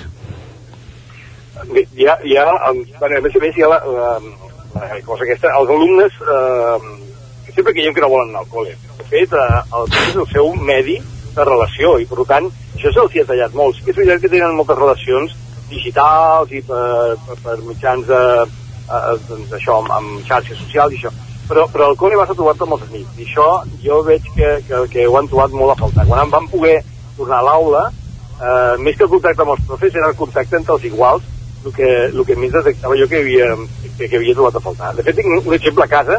Tinc una filla que estudia a la universitat i l'any passat que ja eh, les classes a la universitat eren totes mm, online en, en aquesta facultat eh, molts, la meva filla entre ells, al matí estaven connectant-se a les classes per videoconferència, per cert, un, a unes un rotllo patatero d'un botó. bueno, necessites una altra cosa. I eh, després de dinar anaven a trobar-se a, la, a la facultat amb els companys de classe. És a dir, no es trobaven a l'aula la, perquè, eh, perquè les normatives no permetien, però després ells tenien necessitat de trobar-se amb els companys a, a, la, a la cívica, per dir de cosa de la Vella Terra, no? Bueno, a veure, és que, és que clar, no només, al col·le no només vas a aprendre matèria, sinó també vas a aprendre a conviure, vas a tenir experiències, vas a tenir una xarxa de relacions i vas a ser acceptat també pels iguals, no? Les, les xarxes... Que manera aquesta necessitat d'entrar en el grup també, eh? Ah, clar, eh, algú s'ha trobat molt aïllat, també. És veritat que el que era tímid eh, ja facilitat, però hem destapat una quantitat de, de problemes derivats del tema d'estar en casa, molts problemes de trastorns alimentaris que, que, que han florit, bueno, que han saturat els serveis de d'atenció eh, juvenil de, dels, dels centres de salut que, que, que ha sigut perquè, bueno, perquè, perquè et tanques, perquè et tanques, perquè, perquè no tens ningú que et vagi, no tens un igual que et pugui anar fent feedback eh, físicament i, eh, bueno, hi ha molta gent que ha patat, eh? Dintre d'aquestes situacions més, més delicades, de fet, eh, fa, fa, i portats una mica a l'extrem del, del món digital i de les novetats i, i de cap on anem, fa uns dies una entrevista de la Marta Peirano podíem sentir com ja es parlava d'alguna manera d'un aplicatiu que té la capacitat de detectar, de detectar segons eh, búsquedes o segons eh, paraules que es facin servir en les trucades certs problemes o certes dificultats emocionals eh, o de situacions més delicades, no és així, Juanjo? Això sí, ho explicava la, la Núria Mora, que és la secretària de Transformació Educativa de, de la Generalitat, i, i llavors deia això que, que estaven desenvolupant un, un aplicatiu que ara estava en fase de, eh, d'això de- d'entrenament de la màquina eh, i llavors a través de, de notes de veus de les que ja disposaven d'un projecte de Pren la Paraula doncs eh, a partir d'aquí mm, poder detectar aquestes, eh, aquests indicadors d'alarma no? que, que et permetrien com a tutor tenir dades per poder actuar. A mi em sembla que és una mica mm, aquest algoritme jo crec que ja existeix i és el tutor, però bueno. Doncs amb aquesta nova tecnologia que sembla que ens acabarà explotant una mica, esperem de moment que ningú ens arribi a substituir, i molt menys les màquines, d'aquesta manera. Uh, en qualsevol cas, Josep, Juanjo, moltíssimes gràcies. Ja ens arriba la música que ens avisa que s'acaba la tertúlia. Gràcies per participar avui al, al racó de pensar, gràcies per posar una mica de llum amb el que ha sigut tota aquesta època d'ensenyament mig confinat i esperem que tot es vagi recol·locant al seu lloc amb els pros d'on els podem agafar. Moltes gràcies. A vosaltres. moltes gràcies. Adéu. Doncs gràcies a tu també, Maria, per ser un dimarts més aquí amb nosaltres al Territori 17, eh, aprofundint sobre aquests aspectes de, de l'ensenyament, avui dedicats a l'ensenyament híbrid i, i interessant totes les aportacions com cada setmana. Ens retrobem dimarts. Bé, ens retrobem, Fins de fet, dimarts. ens retrobem dijous a la plaça, però dimarts... Ens, exacte, el dijous ens veiem a la plaça. Molt bé, vinga, adéu-siau, Maria. Fins dijous. I aquí al Territori 17, ja que encara avui la recta final, arribem gairebé, gairebé, gairebé al punt de les 12.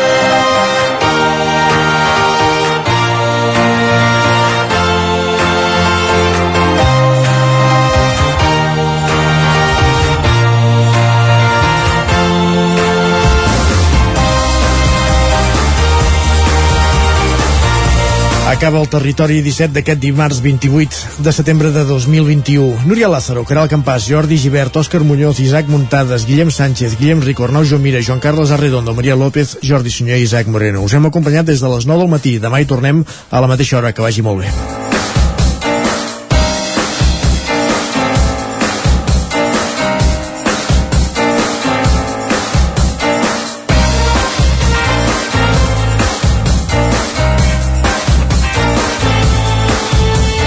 Territori 17, un magazín del nou FM. La veu de Sant Joan, Ona Codinenca i Ràdio Cardedeu amb el suport de la xarxa.